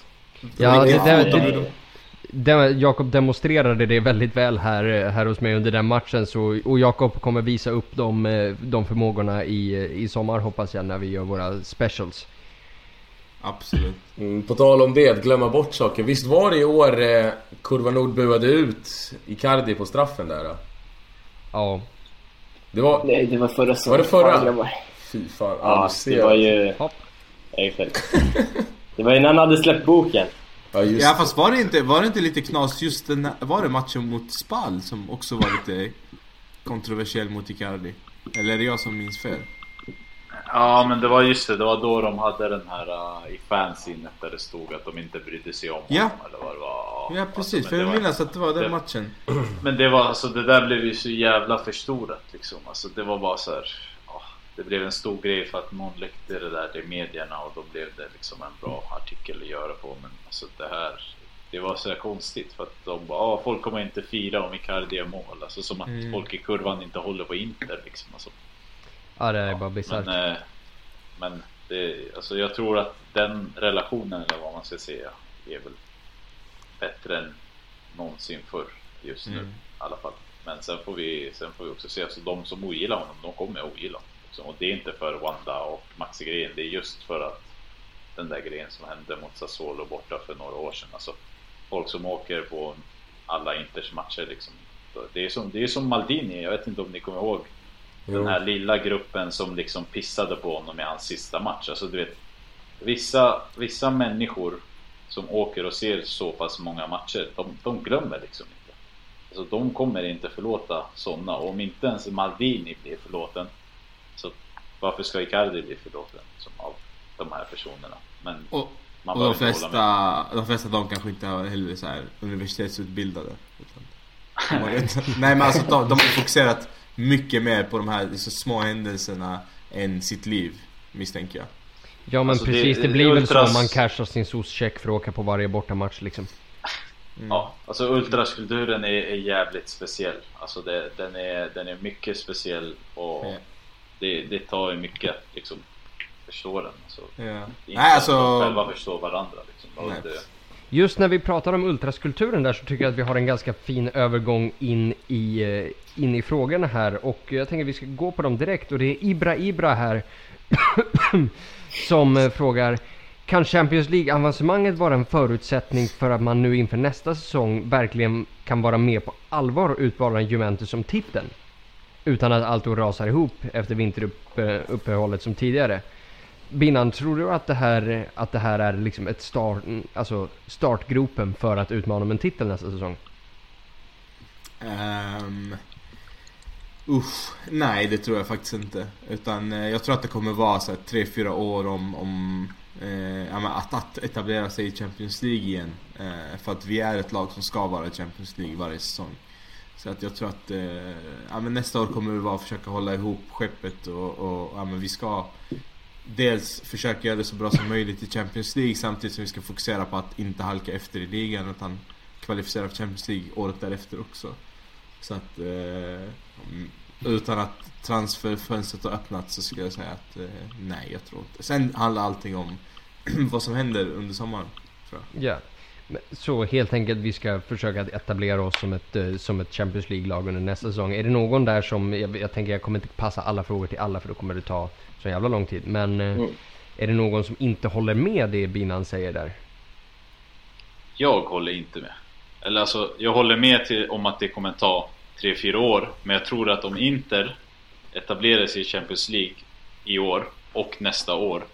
Då är Inter tredje året, alltså utan tvekan, med och slåss om Scudetto. Alltså jag, jag är helt säker på en sån sak. För att Inter är en klubb med en ägare och med ambitioner eh, och med en historia som, till, som gör att när du är i Champions League och alltså du vet, det folk måste inse att när du spelar Champions League och får in de pengarna Då måste du liksom uppa nivån Om Inter uppar nivån och har liksom den tränare som Inter har Och eh, jo, alltså det, det Napoli, Roma, de är, de är och förblir Napoli och Roma liksom Ja. Inter och Milan, det, det är en helt annan sak eh, och det Bara att Napoli och Roma inte har vunnit de senaste åren Tycker jag tyder på att det liksom det finns, det finns utrymme för en klubb att komma och ta. Så jag säger så här. I år nej för att truppen är helt klart för dålig. Men säg att vi tar oss till Champions League nästa år. Då är, måste ambitionen efter den här säsongen vara att slåss om titeln. Alltså jag, jag ser det som en förutsättning. ser jag, det har du ju helt rätt i. Men Porco Dio, eh, frågan är ju faktiskt nästa säsong specifikt, inte om tre år. Att om Alltså, vi, jag- om jag vi så här, allvarligt kan utmana, utmana om titeln nästa säsong. Champions League-spel i år tro, tror jag Alltså det, det blir så jävla skevt för att det är så mycket som vi inte vet om, vilka kommer in, vilka kommer inte in. Men jag säger så här. Ett lag som spelar i Champions League och vinner i Champions League och lyckas leverera i Champions League kommer ha mycket enklare att vinna och leverera i ligan. Och om... Och det här är året, så det här blir återigen år 0. Men jag, jag kommer säga i alla, alla fall att Inter i Champions League är en förutsättning för att Inter ska vara med och slåss om en ligatitel. Hade det inte varit i år precis, då hade jag svarat utan tvekan ja på den frågan som kom in. Eftersom att det är första året så blir det ja. Men Ja. det är helt klart en förutsättning. Tungt. Bara att vi kan bli av med den här fucking financial fair play alltså. Ja, ett år kvar, ett år kvar. Håll ut people. Eh, nästa fråga ska vi besvara alla fyra tänker jag, så alla ska få ge sitt svar. Eh, Sebastian Burgos Nilsson. Vems tröja är mest värd att köpa inför nästa säsong? Sendrak, om du skulle klippa en tröja inför nästa säsong, vem klipper du? Mm, ja, det blir väl Milan Skriniar. Alltså, han hoppar, eller man är lite rädd för att han kanske drar redan i sommar. Det kan väl vara det, men nu såg jag att hans... Jag tyckte Babylona postade något här i vår interna grupp. Där stod något att han har inga planer på att lämna och han vill eh, se vart det här projektet kan... Ja, vad det kan ge så att... Ja, jag skulle nog köpt hans tröja och framförallt med tanke på säsongen han gör. Yes. Jakob? Eh, Alltså jag känner väl lite att typ Skriniar och Icardi, förutsatt att båda stannar vilket jag tror, så är det säkra kort liksom. Men på sistone har jag tänkt lite också att här, Rafinha skulle vara en skön, ett skön tröja att ha om han blir kvar. Mm. Så... Alltså om man vill vara lite annorlunda så blir Rafinha kvar skulle jag nog köpa hans tröja. Ja. Binan? Nej men det blir nog... Eh, ja. Nej men det blir nog ännu en Icardi-tröja alltså. För att det är nog den enda jag kan säga med, med all säkerhet kommer, alltså utifrån vad jag känner och tror, eh, kommer vara kvar. Jajamensan. Ingen av dem, jag, jag tror inte att, jag är inte säker på att någon annan i laget, liksom 100% säker på att men den här personen blir kvar. Så pass mycket som jag är på Icardi. Det är ju skönt att höra dig säga det. Eh, vi går vidare här till Jesper Andersson och... Jag fick inte svara. Ja, ja förlåt. Nu, gud. Fett. Eh, Hampus hashtag- svarade inte jag- heller. Hashtag kränkt. Hashtag metoo. Ja, Det- jä- jävligt kul. Men Ja, jag, jag kör, hade inte jag, faktiskt kör. tänkt säga så här att jag är ju också... Så jag har inte köpt en matchtröja på typ sex år för att man har känt sig lite inte representerad av någon. Men om man inte tar Skriniar, alltså Folk glömmer ju bort att man faktiskt kan trycka fyra Zanetti eller ett Julio Cesar eller fem Stankovic eller 25 Samuel, alltså 23 Materazzi. De, de tröjorna glömmer man ju ofta att man kan trycka men de kommer ju liksom, alltså de kommer inte suddas ut i historien. Så om man vill ha ett riktigt liksom säkert kort, då ska man ju ta ett en, en gammal legendar liksom. Och det, det tycker jag är en ganska bra lösning. Sen så har man ju köpt sin andel liksom backtröjor. Det är så jävla tråkigt när man ska lira boll och ha typ Dambrosio på ryggen. Man vill ju ha en offensiv spelare. Fan, köper den tröjan. Men, eh. Har du men alltså Milito Dambrosio? 22. Men jag har faktiskt Ranocchia 23 signerad. Men, Den men stiger i eh, värde. Alltså den har ju vuxit över tid också precis som Jakobs Brozovic tröja liksom. Ja. Danis Faraoni-tröja. Den, den gick rätt åt helvete. Mannen min Jajic alltså. Ah, herregud. alltså, Nej men om man får... Det var eh, ju en dålig bluff alltså. Jag har också Kovacic. Alltså, vet vet, vet, vet ni vad det sjukaste Vi pratade om det här för ett par avsnitt sedan och jag sa att den pinsammaste jag hade var Jajic. Men jag kommer ihåg att kom på att jag har fan en som jag beställde från Interstore och aldrig skickade tillbaks. Jag har en Ever Benaga. Då har vi två felstavade. Jag har en Ever Banega fast med apostrof på et. Men Ja det är inte ett Eh, lika ja. stort fel. Alltså. nej. Vi, vi diskuterade ju också det men att jag hade en eh, Montari. Har du en Montari? Alltså. jag vet, det är nästan lite deppigt. Alltså det, det gör ont typ. Men jag kommer fan ihåg att han första säsongen så var det ju sådär Inter förlorade när inte Montari spelade. Mm. Kommer ni ihåg? Och sen så liksom andra säsongen så blev han ju liksom Alltså han sabbade ju för sig själv lite för att Som eh, Belfodil där att liksom Fast han hamnade mitt i säsong eh, Belfodil hamnade i försäsongen men eh, Montaris hamnade mitt i säsong. Mm. Och så kom han liksom aldrig tillbaka från det där. Eh, och sen gjorde han den här Gone in 60 seconds i Catania liksom. och, sen gick, och sen gick han till Milan. Alltså så här, det var verkligen så här att han gick verkligen från att vara tillsammans med Zlatan, våra viktigaste spelare 08-09. Och sen gick han från att vara bra till att liksom bli skit. Det den där grejen sitt hår. Och sen hatad mot Milan. Ja, och sen säger han den här grejen liksom när han lämnar att den enda jag respekterar i Inter är Moratti och kocken. Man bara fuck you, vem fan tror du att du är? Så, inte Makelele eh, liksom, kyl ner. Tänk, tänkte lite nu på eh, det du sa med, med hyllningar alltså på tröjor till, till gamla legendarer. Eh, och det har man ju ett par, Zanetti och sådär. Som man har samlat på sig när man inte kommer på vem som... Ja, vi har haft ett par år med spelare som inte är värda att nämnas på tröja liksom. Men eh, fan, jag skulle... Jag, jag kommer nog eh, satsa på en eh, Thiago Motta. Fan jag skulle köra en Julio Cruz eller en Adriano alltså. Och Julio Cruz hade jag fan skitit för alltså. Fy fan vad nice. Nej men just, jag tyckte Thiago Motta var så jävla bra och så jävla viktig. Och den som kanske har fått minst liksom kärlek för trippel. Fråga Sendrak vad han tycker om Thiago Motta. Vi bråkade alltid om det där. Vadå? Nej alltså jag... Tyckte du inte om Thiago Motta? Jag var ingen superfavorit, det kan jag väl inte påstå. Alltså, Alltså jag, ja, fine. Han, han var de här jävla bra men, uruguayanerna alltså, de... eh, men man måste ju inte älska honom för det. Jag har svårt för Alltså- Materazzi också. Om ni undrar. Oj. Så, Alltså jag har rätt svårt för dig Sendrak just nu. ja. Mm. Så nej men som sagt, eh, som svar till Sebastian Nilsson, Sebastian Burgos Nilsson där så kan vi säga att det finns många fina val och det som känns rätt för dig är nog alltid det bästa valet. Eh, Jesper Andersson, hur dumma är Inter om man inte köper Cancelo? Och vi låter väl Materazzi-hatan svara på det där då. Eh, ja du, alltså. Vi har ju haft problem med ytterbackar i flera år och det känns ju riktigt bra att vi har fått en högerback som har kommit in i laget bra, presterat. Han är en modern ytterback som kan skapa chanser. Han är väldigt bra offensivt men han är ju också väldigt dyr. Så och Valencia läste jag senast idag kommer inte göra oss några som helst tjänster och de ska ha in pengar, vad är det, innan sista 31 maj ska det vara på deras konto.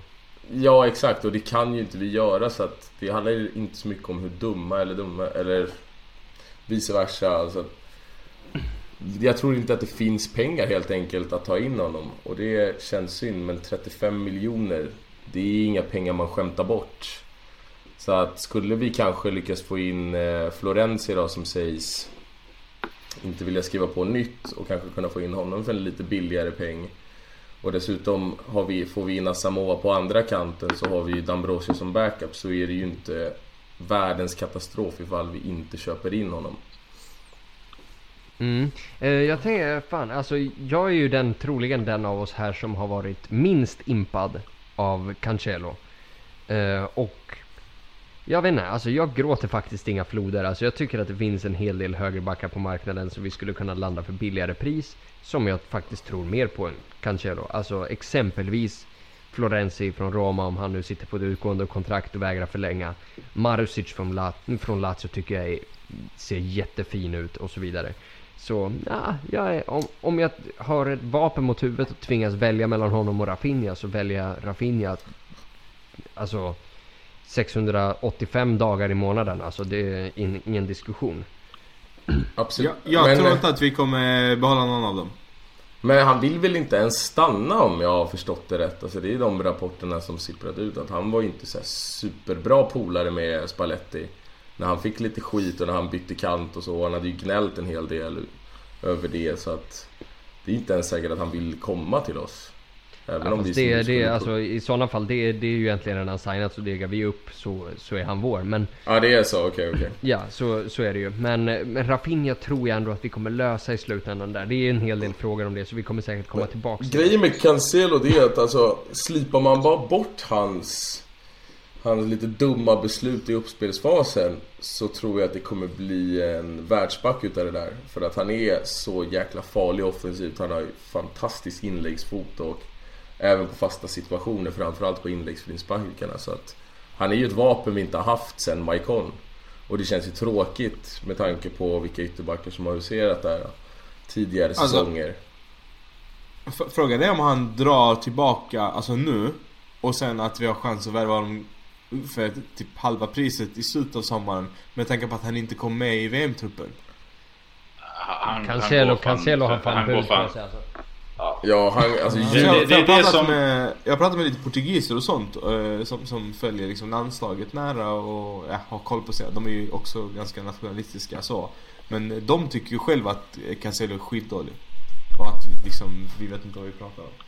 Alltså han, han, han är en sån där spelare som om inte Inter utnyttjar för 35 då kommer Jorge Mendes ta honom till Manchester United för 50 Ja, jag tänkte precis-. Alltså, ja. Utan trygghet. För att, och det, egentligen är det här Det är ett stort problem med Financial Fair Play för att Inter kan liksom inte köpa spelare rakt av, måste låna. Tar in en spelare som är värd kanske 10-15 Höjer hans värde så att han är värd liksom 25, 30, 35 Men har inte råd att köpa loss honom. Alltså det är helt jävla sjukt ju. Det måste ju finnas en sorts så här option som säger så här. Är du en klubb med Financial Fair Play som tar in en spelare på lån och höjer hans värde så kan du värva honom till liksom lättare premisser. Alltså det är helt, det är helt bisarrt alltså att det, det, att det inte är så. Och jag, jag tycker att så här, jag, jag vill inte, alltså Rafinha för typ 37 som, som sägs, det är för mycket alltså. Det, det går inte alltså. Det, det, det är för mig helt omöjligt. Då tar jag hellre Cancelo för att jag tycker inte det finns så många ytterbackar där ute med offensiva kvaliteter som man kan få in. Alltså det, jag, Florenzi är fan alltid skadad.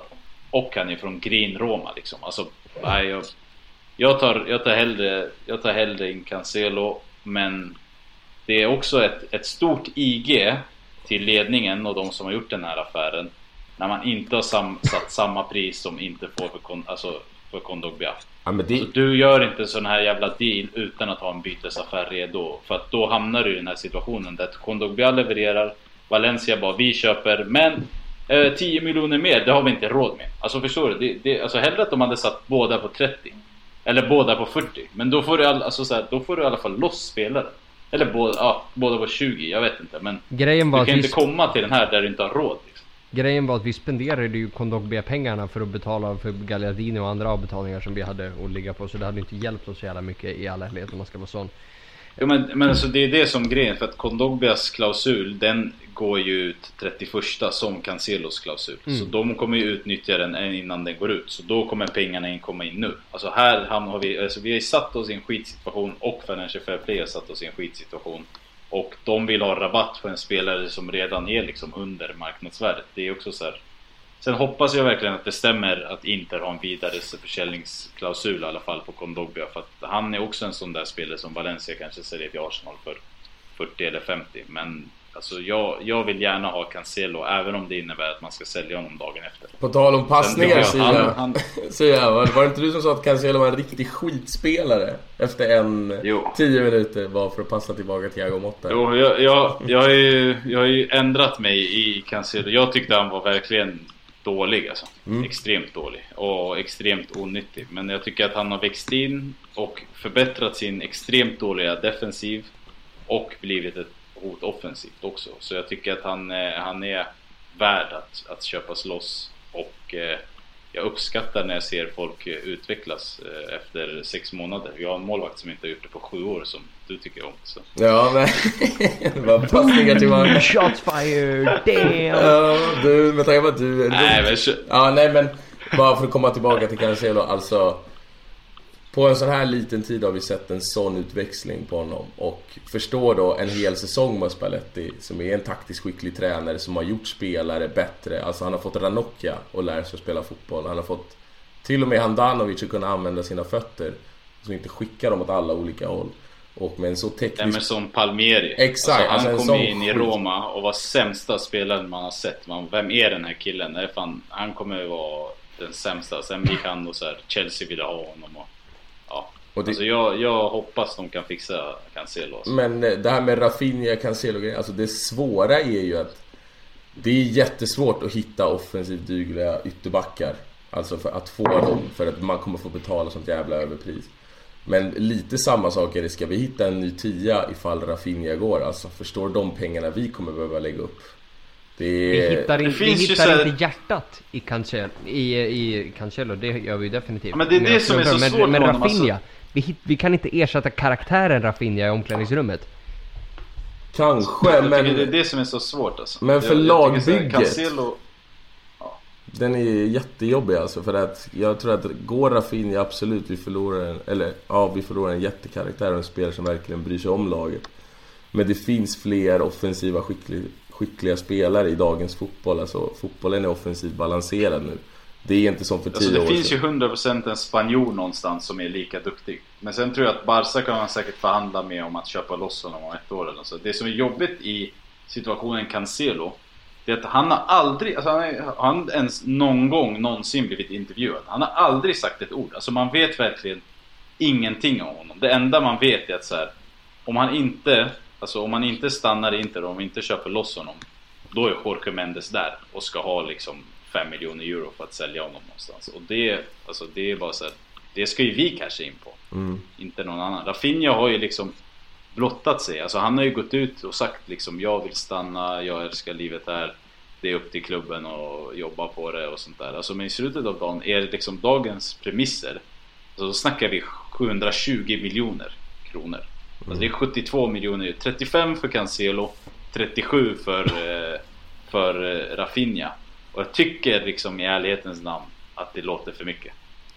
Ja och då har Och, vi, eh, då har vi ju inte Vi har ens... sett från eh, Cancelo en live i alla fall efter eh, matchen mot Lazio. Och det var den skönaste liven jag har sett på länge.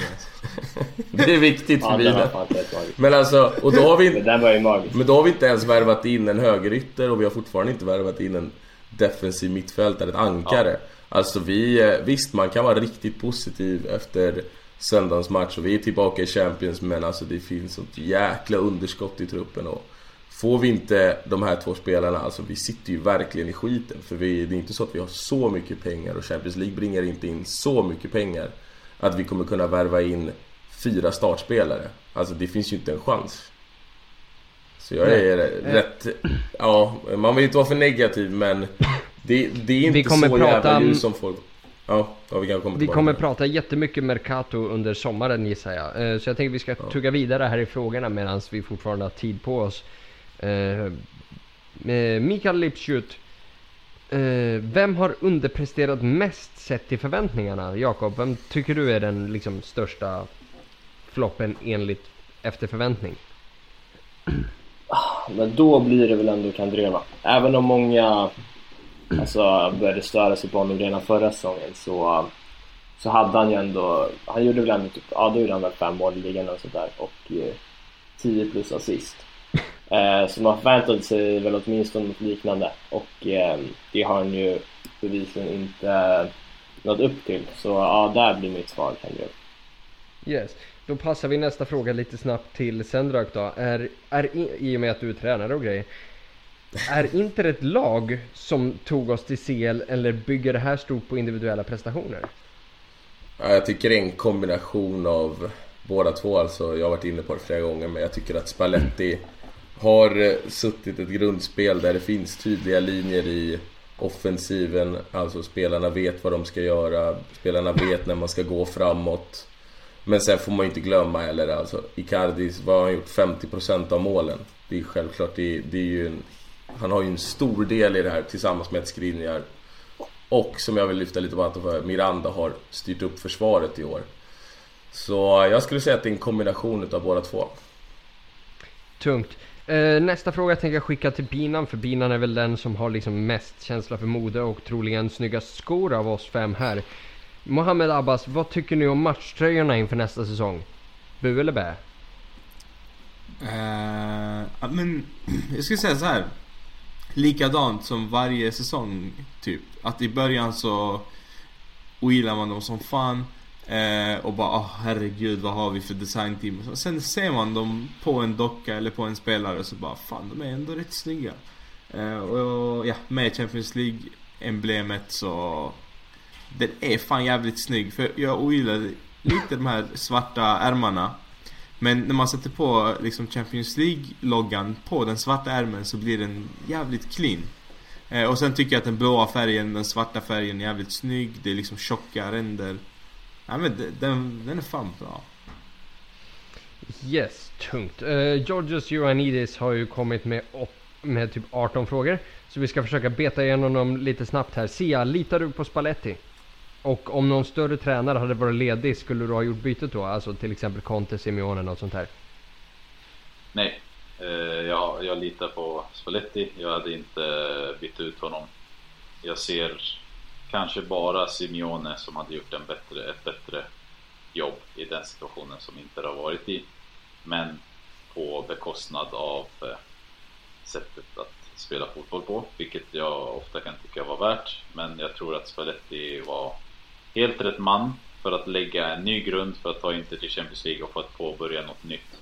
Om två år så tror jag kan man ta om den här frågan. Men det finns ingen anledning till att eh, tvivla på Spalletti. Han har verkligen gjort det mesta av den situationen han har hamnat i. Yes, jag... Han eh, förlängde precis så ni vet officiellt.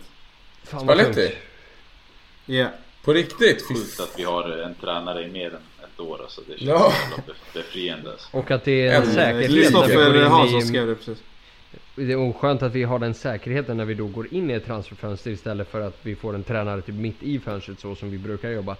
Eh, Jakob, jag tänker passa den här frågan till dig i och med ditt härliga, det hade väl sugit svar senast. Vad fan gör vi om Asamoah floppar på vänsterkanten? Ja, då, då har vi Tambrosio igen. Ja, jo det, det... det, det, Hooray! är inte svårare än så. Eh, nej, alltså, men jag tror att liksom, alltså, alltså Moa kom in eh, som, som en bredd liksom också. Alltså för att eh, vi behöver ju fler alternativ nu när vi spelar för turneringen. Så um, Eh, att eh, Dambrosio ska bli kvar tycker jag också är alltså, en självklarhet. Uh, yes. Mohamed Abbas, en till fråga här. Nu när man har värvat in DeFry så kommer man ha tre mittbackar av hög klass. Det, rykte, det har ju pratats väldigt, väldigt mycket om förlängning för Miranda idag. Dessvärre också en förlängning för Kandreva, vilket... Men hur som helst. Mohammeds fråga är då, bör vi spela med en trebackslinje för nästa säsong? Och om vi inte ska göra det, vilka två är då det startande mittbacksparet? Eh, Binan, du kan ju börja där. Eh, alltså jag vet inte. Jag, jag tycker alternativet att kunna spela en trebackslinje när det behövs. Men jag tror vi har diskuterat det ett antal gånger så. Men eh, det, det är absolut eh, möjligt. Jag tycker inte att vi ska spela med det normalt sett. Eh, och vilka alternativ att starta? Men jag tycker att när säsongen inleds så ska självklart Miranda och Skriniar starta eftersom att de, de har förtjänat det. Eh, Miranda har gjort en fantastisk säsong, Skriniar har gjort en otrolig säsong. Eh, så att de ska helt klart starta. Sen får ju De Frey spela sig in i laget eh, när det finns möjlighet och tid och, och vi kommer spela i två turneringar, och tre till och med. Så att, eh, men ja. Kort svar. Så. Yes. Erik Sundberg, det är mycket fokus på spelare som man vill ha in. Men vilka tycker ni inte ska göra sig av med? Uh, Sia, om du börjar där. Alltså, vilka behöver vi ha ut genom dörren typ i förrgår helst? Alltså Eder, om du kan få pengar för honom så, så måste han ju säljas. Eh, sen så, det är intressant det här med Kandreva ju för att spelar vi trebackslinje då finns det helt plötsligt en naturlig roll för honom att spela högerytter. Alltså wingback som han har gjort i landslaget och eh, som han, eh, där han gör sig riktigt bra liksom. Och där han har varit bra i år också för att Spalletti har ju ibland dragit ner Dambrosio som mittback och kört 3-5-2. Det gjorde han även nu på Olympico. Men det blir väldigt tydligt när vi släpper in andra målet att de ligger i en sån formation för att Skriniar går upp men Dambrosio kommer in. Men eh, så jag, jag är lite tveksam där för att jag tror att om Kandreva förlänger då tyder det på att Spalletti kommer att spela 3-5-2 nästa säsong också. För att Asamoah har spelat där. Eh, vad heter det? Kandreva gör sig bättre där. Eh, Perisic kanske till och med gör sig bättre där. Så vi, vi, får se. Jag tror att om han förlänger då blir det mer... Eh, då kommer inte han säljas. Alltså då kommer, då kommer vi spela 3-5-2 och då är det onödigt att sälja en sån spelare som kan spela på så många positioner. Men där ser jag jättegärna att vi cashar in för. Alltså kommer ett bud på Kandreva, skeppa iväg honom också. Sen så är det svårt alltså för att eh, de andra spelarna de har ju liksom förtjänat att vara här. Alltså, det, är, det är frågan. Kommer det 60 miljoner för Ivan Perisic då är jag nog beredd att sälja honom. Alltså. Jag kommer 40 eh, så. Jag tror... Ja, alltså, det är nog den spelare som man egentligen mest behöver i Champions League men som jag också helst av de stora namnen ser gå. För att jag tycker att Brozovic, och Icardi och Skriniar är för alldeles för viktiga. Sen eh, Dalbert Alltså om det kommer liksom 20-25 miljoner euro för honom, då kommer nog han få gå. Nagatomo vill man gärna casha in för. Om någon kan tänka sig att ta Gabriel Barbosa från Inters jävla paycheck, då ska den hen ha en staty också. Det är väl de jag tänker. Yes, eh, jag tänker vi tar typ två, tre frågor till här. Det är jättemycket och nu har vi suttit och hållit på här i nästan, eh, nästan, eh, ja, längre än en hel matchtid egentligen. Så Kuitema har ställt en härlig fråga här. Och efternamnet är Spahija tror jag. Jag är inte helt säker, du får rätta mig Kuitim. Men det här är en fråga som är riktad till mig. som vi alla vet och hörts och hånar och nämner du väldigt sällan våra grannar Milan och det tycker jag att det, det är en bra analys. Jag pratar inte så mycket om dem. Ehm, är det inte dags att kommentera dem nu när vi har tagit Champions League-plats och Efas ställning och besked som kom igår? Hashtag we are so fucked, vilket jag tycker är en fantastisk hashtag. Eh, och det som har hänt då är ju att vi har ju tagit Champions League-plats, det har ju inte övergått någons förstånd tror jag till och med. Eh, men Milan har ju också fått avslag på, på sin eh, förliknings, eh, sitt förlikningsförslag gentemot Financial Fair Play. Och riskerar nu både att petas från Europa League och att få en transfer ban. Och det där hade ju bara varit, alltså det där är ju, Champions League-plats är ju kul. Men det där är ju fucking eufori om de där luffarna inte får värva. Alltså fatta att de då fastnar med billiga en säsong till. Att de måste ha kvar Ricardo Rodriguez ännu ett derby och att Kalinic, fucking Kalinic, ska spela en säsong till i Milan. Alltså det finns ju ingen mys, alltså förstår ni hur mysigt det här är? Att vi får spela Champions får League. Kör! Nej, alltså jag håller verkligen inte med dig. Jag vill se Inter och Milan på gammal nivå. För derbyn är mycket roligare då. Ligan är mycket bättre då. Jag vill... Ja, självklart vill jag inte att Milan ska bli en titelmag och komma före oss. Men Serie A behöver ett bättre Milan, Serie A behöver ett bättre Inter och det, det kommer utveckla alla lagen så jag ser gärna att de faktiskt kommer tillbaka till någon form av nivå för nu är det ju bara, alltså det är bara skämmigt det de håller på med. Och skulle de sjunka ännu mer alltså Det skulle ta lite udden utav derbyna också känner jag. Så du ogillar Thiago Motta, du ogillar Materazzi och du vill se ett starkare Milan. Alltså, Jag... Nej! nej. Hörru din lilla jävla du vinner ju inte Trump jättemycket pluspoäng här just nu. Ehm, Du, jag är inte ute efter pluspoäng. Thiago Motta, för jag bara kolla att jag, alltså, jag ogillar honom inte, men jag älskar honom inte lika mycket som ni gör. Så kan vi säga. Jag vill bara eh, klargöra en sak innan vi fortsätter. Jag har suttit och reflekterat över att, eh, vad jag sa om Ultras bara förtydliga att eh, jag älskar Ultraskulturen och eh, ja. Det, det jag menar är att det finns vissa människor som är eh, lite pantade. Precis som i Malmö FF-matchen mot Djurgården så fanns det ett par som satte på sig luvorna och gick ner på plan och försökte tända eld på eh, nätet och hoppa på Malmös egna målvakt. Så jag menar att det finns rötägg överallt. Jag vill bara få det förtydligat. och det är i samband med Sendrak eller? Ja, precis. Det är det jag Det- brukar alltså, jag göra. Tända eld på målvakter. Nej, jag tänkte mest nej, men att det rötägg, men... finns fans som tänker... tänker annorlunda. Jesus alltså. Fan. Ja, jag vill se, jag vill, jag vill inte, jag vill se att det går bra för Milan. Eh, vad tar vi? Bättre! Bättre. Inte bra, bättre. Mm. Okej. Ja, vad håller ni inte med med? Vill ni se dem halva det där Jag vill se oss bankar 12-0 på Milan. Jag vill se dem åka till Serie B. Alltså jag vill garva och, alltså... Fan. Men fattar du hur tråkig Serie A skulle vara för oss då om vi inte fått derby mot Milan? Jag vet inte, titlar är kul. Den, den, den bästa säsongen någonsin var när Inter vann och Juventus spelade i Serie B. Liksom. Alltså det blir inte bra. Nej, Alltså, verkligen jag, inte. Jag gillar ju, jag gillar ju vårt, jag gillar ju vårt derby och sånt där också men det finns någon, någon sorts tragikomik i hela den här situationen. För att Milan-supportrarna har ju alltid varit på Inter om Financial Fair Play och Morattis ekonomi och klubben skött som skit och någonstans har de hamnat i den här situationen. Jag tycker att, alltså för mig är Milan en liksom respektabel stor klubb och då väger jag inte in liksom eh, många av deras supportrar som härjar ganska mycket. Men eh, alltså så här, det skulle ju inte göra ont i mig om de liksom blir tvångsdegraderade och man kan få uppleva att Milan spelar i Serie B. Alltså det har vi inte vi fått göra. Liksom. Juve har man ju fått uppleva i Serie B. Absolut, det någon säsong kanske, men någonstans så är det ändå roligare att spöa dem när de är ett bra lag. Inte det här sorgliga upplaget av Milan. Alltså, Alltså, när vi jag- spöade nästa Maldini, Pirlo, Cedorf, Kaká, de här spelarna. Alltså det kändes ju verkligen. Nu när du möter Rodriguez, alltså driver ni med mig? Fucking porrstjärna som är på planen. Alltså det...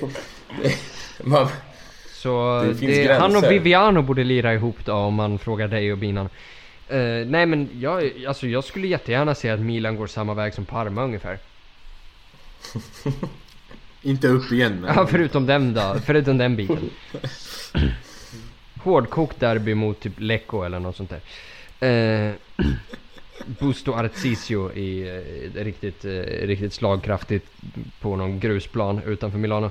Eh, vi tar en sista fråga. Eh, och här, det, jag ber om ursäkt redan på förhand för det här kommer, det här kommer bli svårt. Men det är Dennis Hadzisio, Hadziosmanovic. Vi är många som älskar Icardi och önskar att ha honom kvar i Inter, men det finns ett antal som i princip önskar Icardi out. Hur är detta möjligt? Och den här frågan ställer jag för att jag förstår den inte själv. Gör ni? Jo, svaret är att man gillar Handanovic. Och det är tydligen att man inte kan tycka om båda två. men är det inte lite samma resonemang som man har mot Cristiano Ronaldo? Killen är ung, snygg, bäst i laget, tar andras brudar, alltså. Väl... så alla borde älska honom men det Jo, finns man borde inte vara så från Men- de egna supportrarna. Men om man ska vara lite seriös, alltså det han gjorde med till exempel sin självbiografi Det var ju inte supersnyggt Det han gjorde där i Sassuolo, Men det... det- var, men alltså det är minor things, det är skit men Men alltså det är väl, liksom. ja ja absolut och, Men om man försöker sätta sig in i deras situation, varför de inte tycker om Då tycker jag väl att de två grejerna kan vara rimliga Men inget annat